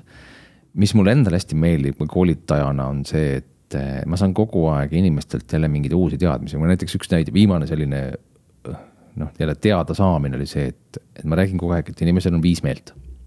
noh, kõik me teame, viis meelt, koolis õppinud kõik viis meelt, meelde jätmine toimubki nagu meelte abil ja nii edasi. ja siis ühel koolitusel üks tuleb mulle, ütleb, et ei, tegelikult eh, viimane teadus ütleb, et neid on rohkem. Neid on neliteist kuni kakskümmend Läksin koju, Google lahti, vaatan, pagan, erinevad artiklid ja järjest tulebki, on see ja teine ja kolmas, et meil on meeli veel rohkem. ehk ma, nüüd ma enam ei räägi koolitusel sellest, et mitu meelt meil on, viis. ei ole, tegelikult on rohkem, teate, et meil on olemas veel tasakaalumeel ja meil on sihuke nagu meel nagu propriotseptsioon ehk siis süvatundlikkus ja la-la-la-la-la-la-la ehk siis tegelikult sa kogu aeg õpid, kogu aeg sa õpid kogu aeg midagi juurde ja eriti selles mõttes on hea, kui keegi ütleb, et teate, see asi, ma olen kuulnud, et on nii veel, kas te seda olete lugenud? ei ole, lähed koju, kohe loed. ja noh, õnneks on, ma käin kogu aeg ringi sellise umbes kahekümne erineva aju mäluteadusega seotud raamatuga.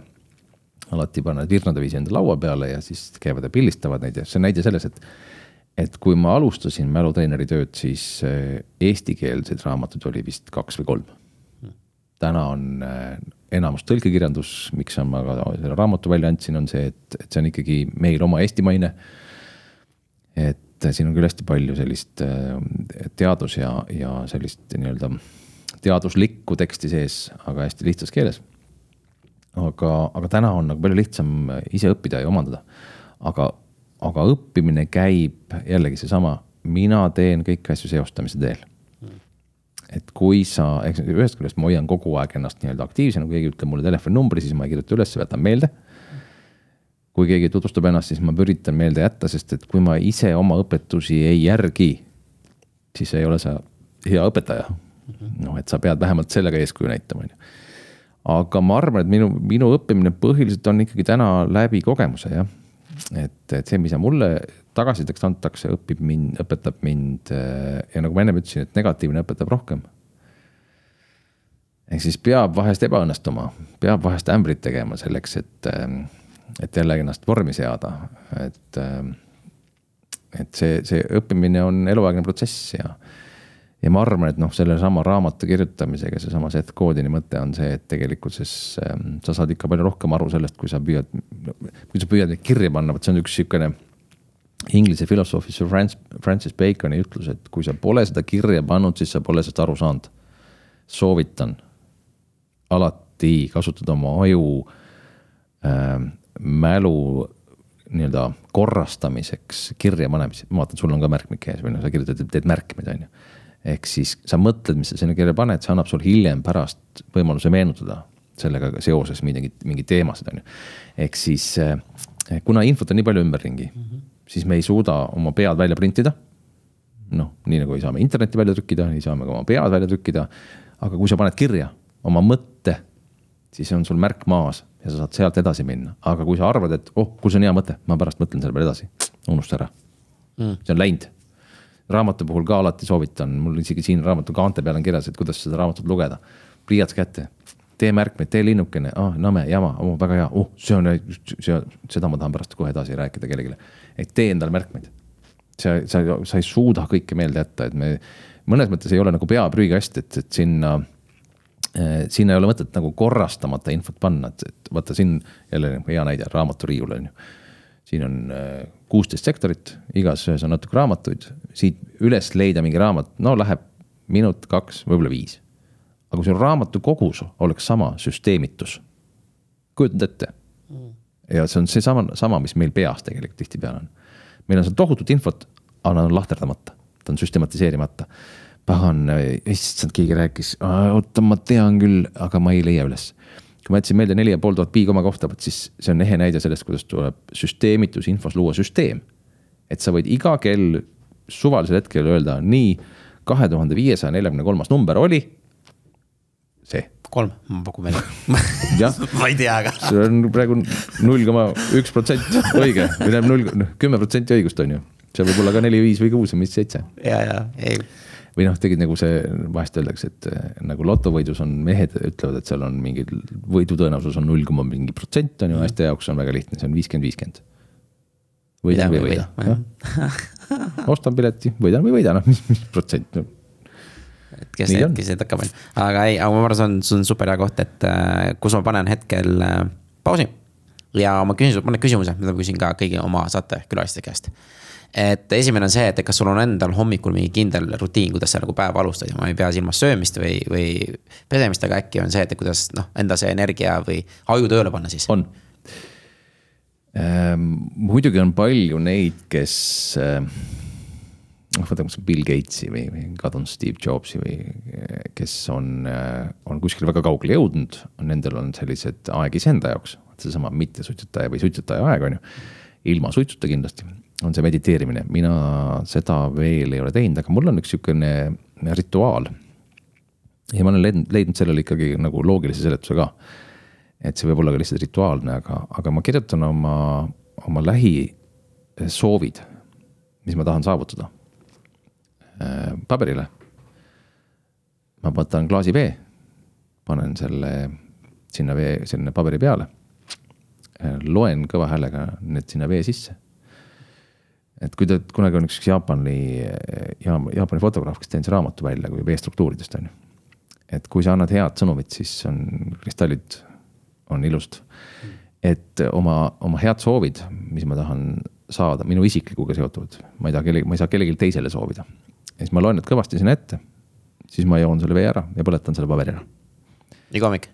Eh, kui vähegi võimalik ja kui ma ei ole kodus, siis on seda raske teha, kui ma olen teises, kui ma olen kodus, siis ma olen varem ärkaja, tavaliselt mm. ma üritan seda, jälle, kui ma olen hiljem perega koos, siis hakka seal kõva häälega lugema ja põletama, et noh, ei õnnestu. ma üritan seda teha nii tihti kui võimalik. aga see on seesama näide, et, et, et ühesõnaga ma tegelikult annan endale ajule kogu aeg või on oma, oma kehale seda korrastatud vett, struktuuri, puhast on ju, ma annan sinna head sõnumit. teisest ma tuletan kohe meelde, mida ma tegelikult tahan mm ja see aitab, see, see ei lase seal lõpuks ära ununeda ja su aju hakkab üks hetk alateadlikult suunama su tegevust. et sa saavutaksid selle, on ju. sest kui kaua ma kirjutan seda sinna, kui sa oled selle saavutanud, siis ma enam ei kirjuta, on ju, see on nagu to do list mm. -hmm. aga, aga et ma, ma teen sellele lisaks veel rituaalid, on ju, et. ja see, ja see on, tegelikult on hämmastav mulle, mulle tundub, et need toimib päris hästi. ma olen täiesti veendunud, et see toimib. jah, aga see on ma olen selles ka veendunud, et, et võib-olla kõige suurem on ikka usk. Mm kui sa sellesse ei usu, siis, siis ei ole saa toimida. see on jälle see, et miks sa teed seda.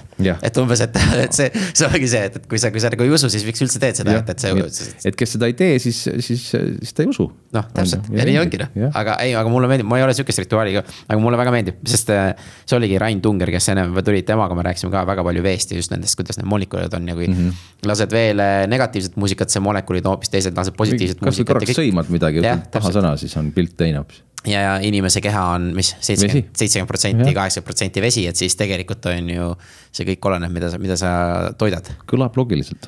kõlab väga loogiliselt, on ju, aga no ma räägin, see, mõned kuulavad, vaatavad, et see on ikka täitsa hullumeelne äh, see ongi uskumise küsimus, uskumise küsimus. täpselt, mulle, mulle väga meeldib, see on väga lahe. siis äh, järgmine küsimus ongi see, et kas on mingi teema, mida sa oleks tahtnud veel ise nagu rõhutada või välja tuua, aga millest me nagu ei rääkinud täna üldse, et. et me saime su ajulugu, kõiki muid asju. ja me käisime, noh, võib-olla on jah see, et. Äh, et kui ma rääkisin sellest meeldejätmise protsessist, et see on tähelepanu seostamine, kordamine, siis. Äh, siis võib-olla peaks rohkem selle seos, seostamise noh, nii-öelda natukene seda, seda, seda meenutama ja rääkima ja, ja rõhutama, aga. aga lõpuks me rääkisime kõigest, sest et vaata noh, nii nagu ma Raamo raamatu puhul ka, ma tean seda, et, et eh, inimene loeb selle läbi, siis tal lõpuks meelde jääb, sest väike protsent kuulaja, kes kuulab, siis ta, kui ta, kui tal mingi asjast sai juba nii-öelda, ma isegi soovitan niimoodi, et kui mingis kohas kuulates tekkis nagu hea mõte, siis pane kinni, ära rohkem kuula. Kadri Voorandiga oli mul ükskord ajasime natuke juttu ja ütles ka, et kuule, lugemist õpetad ja, et kuule, ja, ja kohe nagu õhin oli, ma ütlesin ka, et et kui sa loed mingit raamatut ja sa oled sealt mingi pointi kätte saanud, sa ei pea edasi lugema, ei peagi või? Sest jaa, sa ei pea autorile ütlema, et ma rohkem ei lugenud, on ju, et, et sa, sest, sest see on edasi, sa hakkad juba ära suretama seda infot, mis sa juba nagu sealt said. ja teiseks, tegelikult sul ei ole vaja rohkem hetkel. sa ei saa niikuinii, kui kui sa saad sealt kümme head mõtet, siis sa kasutada saad ainult ühte korraga. võta see üks, hakka tegelema, loe teinekord edasi aga et, et isegi kui sa praegu näiteks kuulad, oh kuule, see oli hea mõte, päevapoint oli see, et aju kõige suurem häirija on teadmatus oh,. tuleb meelde, on ju, oli sihuke asi. noh, selle sain kätte, kõik kuulab teinekord edasi. ei pea praegu hetkel lõpuni kuulama, sest see, et, et muidu see läheb meelest ära. või siis pane kirja, nagu sina tegid mm -hmm. märkmetsi. et äh, see on päris, päris hea point, et mulle, mulle väga meeldib see äh,. järgmiseks ma küsin, kui sa peaksid ise kooli tagasi minema ja midagi õpetama. ja ka milles see ei ole väga hea hetkel. mis oleks see teema või valdkond, mis sa näeksid, võiks rohkem ise arendada ja teistele edasi anda et mis koolis täna õpetamisel ei ole väga hea või? ei, või sinu, ei, sina, sina, sina ei ole hea, aga sa tahaksid ise rohkem nagu. Ma mõtlen, mis aines ma ei olnud hea kooli ajal, sest et tegelikult ma, ma olin pigem, ma olin hästi, jagasin ennast hästi paljude asjade vahel ja seetõttu ma, ma arvan, et kui ma oleks isegi koolis pingutanud, siis ma oleks lõpetanud viit, viitega, aga, aga kuna ma ei pingutanud, siis ma sain neljanda viitega hakkama. et ma arvan, et mul oli kooli ajal kõige rohkem oli kirjandiga, aga et ma mõtlen, et, et mis tähendab seda, et, et seda oleks äh, huvit-, ma arvan, et mul oleks igat asja huvitav õpetada, sest et vaata, kui sa oled juba nagu kakskümmend viis aastat koolitaja, siis mm., siis mis on koolitaja, mulle see Peebu, Peep Painu mõte hästi meeldib, et koolitaja parim kavatsus on aidata. ja kui ma lähen õpetajana, siis ma tahan, et see teise klassi oma või kaheteistkümnenda klassi oma saaks abi. mitte see, et ma saaks kuidagi oma tunni ära tehtud. ükskõik millises aines, mis ma arvan, et äh, ma hea meelega võtaks järjest kõik ette ja prooviks igat asja. Kuna sa lähed siis kooli õpetajaks? tagasi kooli raames olen ju käinud, aga ma ei ole küll mingit ainet õpetanud, ma olen ikka rääkinud oma erialast, on ju, aga mm, -hmm. aga kui. noh, vaata, mul on see tagataskus on raamatupidaja eriala et kui mul kuskilt otsa ei saa ja kõik ütlevad, et see mälu on jama ja rohkem meil kõigil on mäluga korras nüüd, et meil on telefonis oleme mälu küll, aga. Tanevist otsin, ostsin naisele ühe terabaidise kõva lisaketta, on ju. siis mõtled, ah, mul tuli meelde vaata, ma rääkisin sellest 6G-st, ma mõtlesin selle, selle jutu käigus ma mõtlesin, et pagan, mis asi see võrdlus oli. ja 6G tehniline võimekus muutub selliseks, et äh, allalaadimise kiirus on üks tera sekundis. see on, see on no, kosmos noh no, no, tegelikult oleme ausad, me ei saa mitte midagi aru, mis see tähendab. noh mm., see, me ei kujuta ette, mis see päriselt siis on no.. et info jõuab ennem, ma vajutan nupule, juba vastus käes on ju sa ei jõua isegi vastust välja no,, sa ei jõua küsimust küsida, keegi vastus on juba olemas. et äh, okei okay,, see, aga no ma väga loodan, et sa, sa lähed kuhugi kooli, et sellepärast ma arvan, et sihuke. ma käin koolides kogu aeg, meil just eile üks tuttav helistas mulle jälle, küsis, et kuule, kas ma ei saaks äh, oma lapsele mm ühte tundi teha sellist, kutsuda sind rääkima. ja ei, ma käin koolides kogu aeg rääkimas, et ma küll räägin ikkagi mälust ja õppimisest, on ju. no aga nii ongi, et see on väga hea. Äh, ma pole seda enne väga palju küsinud, aga ma lihtsalt, lihtsalt äh, kuna sina oled üks inimene, kes, kui ma kutsusin saatesse, tulid kohe, et äh, jumala hea meelega tuled nagu, et mul on hea meelega väga paljud minu saatekülalised ütlevad, kuule, mul ei ole mitte midagi rääkida.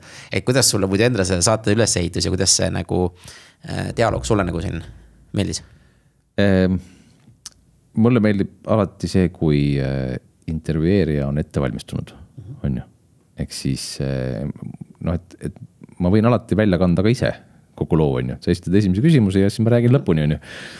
milles võib-olla alguses tekkiski see oht, on ju, esimese küsimuse järgi, aga, aga noh, iseenesest eh, ma arvan, et inimestel on täna sellist mitte väga teaduslikku, vaid, vaid huvitavat teemasid ähm, kasulik kuulata, et ennast kogu aeg millegagi kursis hoida, sest et lõppkokkuvõttes, kui mina võtan jälle oma teemast lähtuvalt, siis ükskõik, mida sa kuulad, ükskõik, kas see on noh, ma jälle palju ei tea, aga noh, näiteks sama Peep Aaviksoo on ju mm. -hmm. siis igalt inimeselt on midagi õppida mm. -hmm.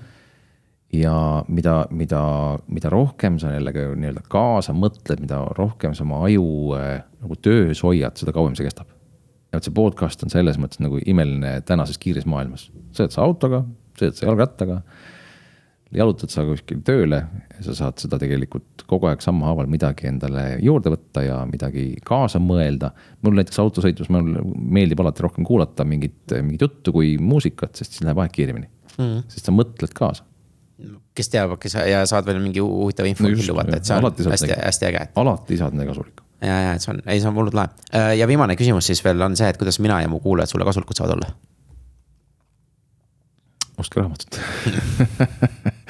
see ikka lõpuks tõmbad ikka vee peale kogu see asja, et ikka lase ikka, et ikka kogu asjal ikka, et noh, et kasu peab sees olema. ma arvan, et ma, ma, kasu on noh, vot sama nagu see Seth Godini üte oli, ütlus oli see, et, et kõige rohkem muudab sind see, kui sa ise hakkad enda peale mõtlema. ja, ja ma arvan, et et kogu selle vestluse kõige suurem väärtus on see, et kui see kuulaja ehk kuulaja, kes sa praegu kuulad, see pani sind enda, ennast oma elu peale mõtlema. see on kõige suurem väärtus. Nii et ma olen väga tänulik. ei, mulle pani kindlasti, ma paar asja ma alati, no mulle väga meeldib, sellepärast ma kutsungi nii põnevaid inimesi külla vaata. no mul on hea meel. super, kuule aga Tauri, aitäh su aja eest. Indrek, aitäh. super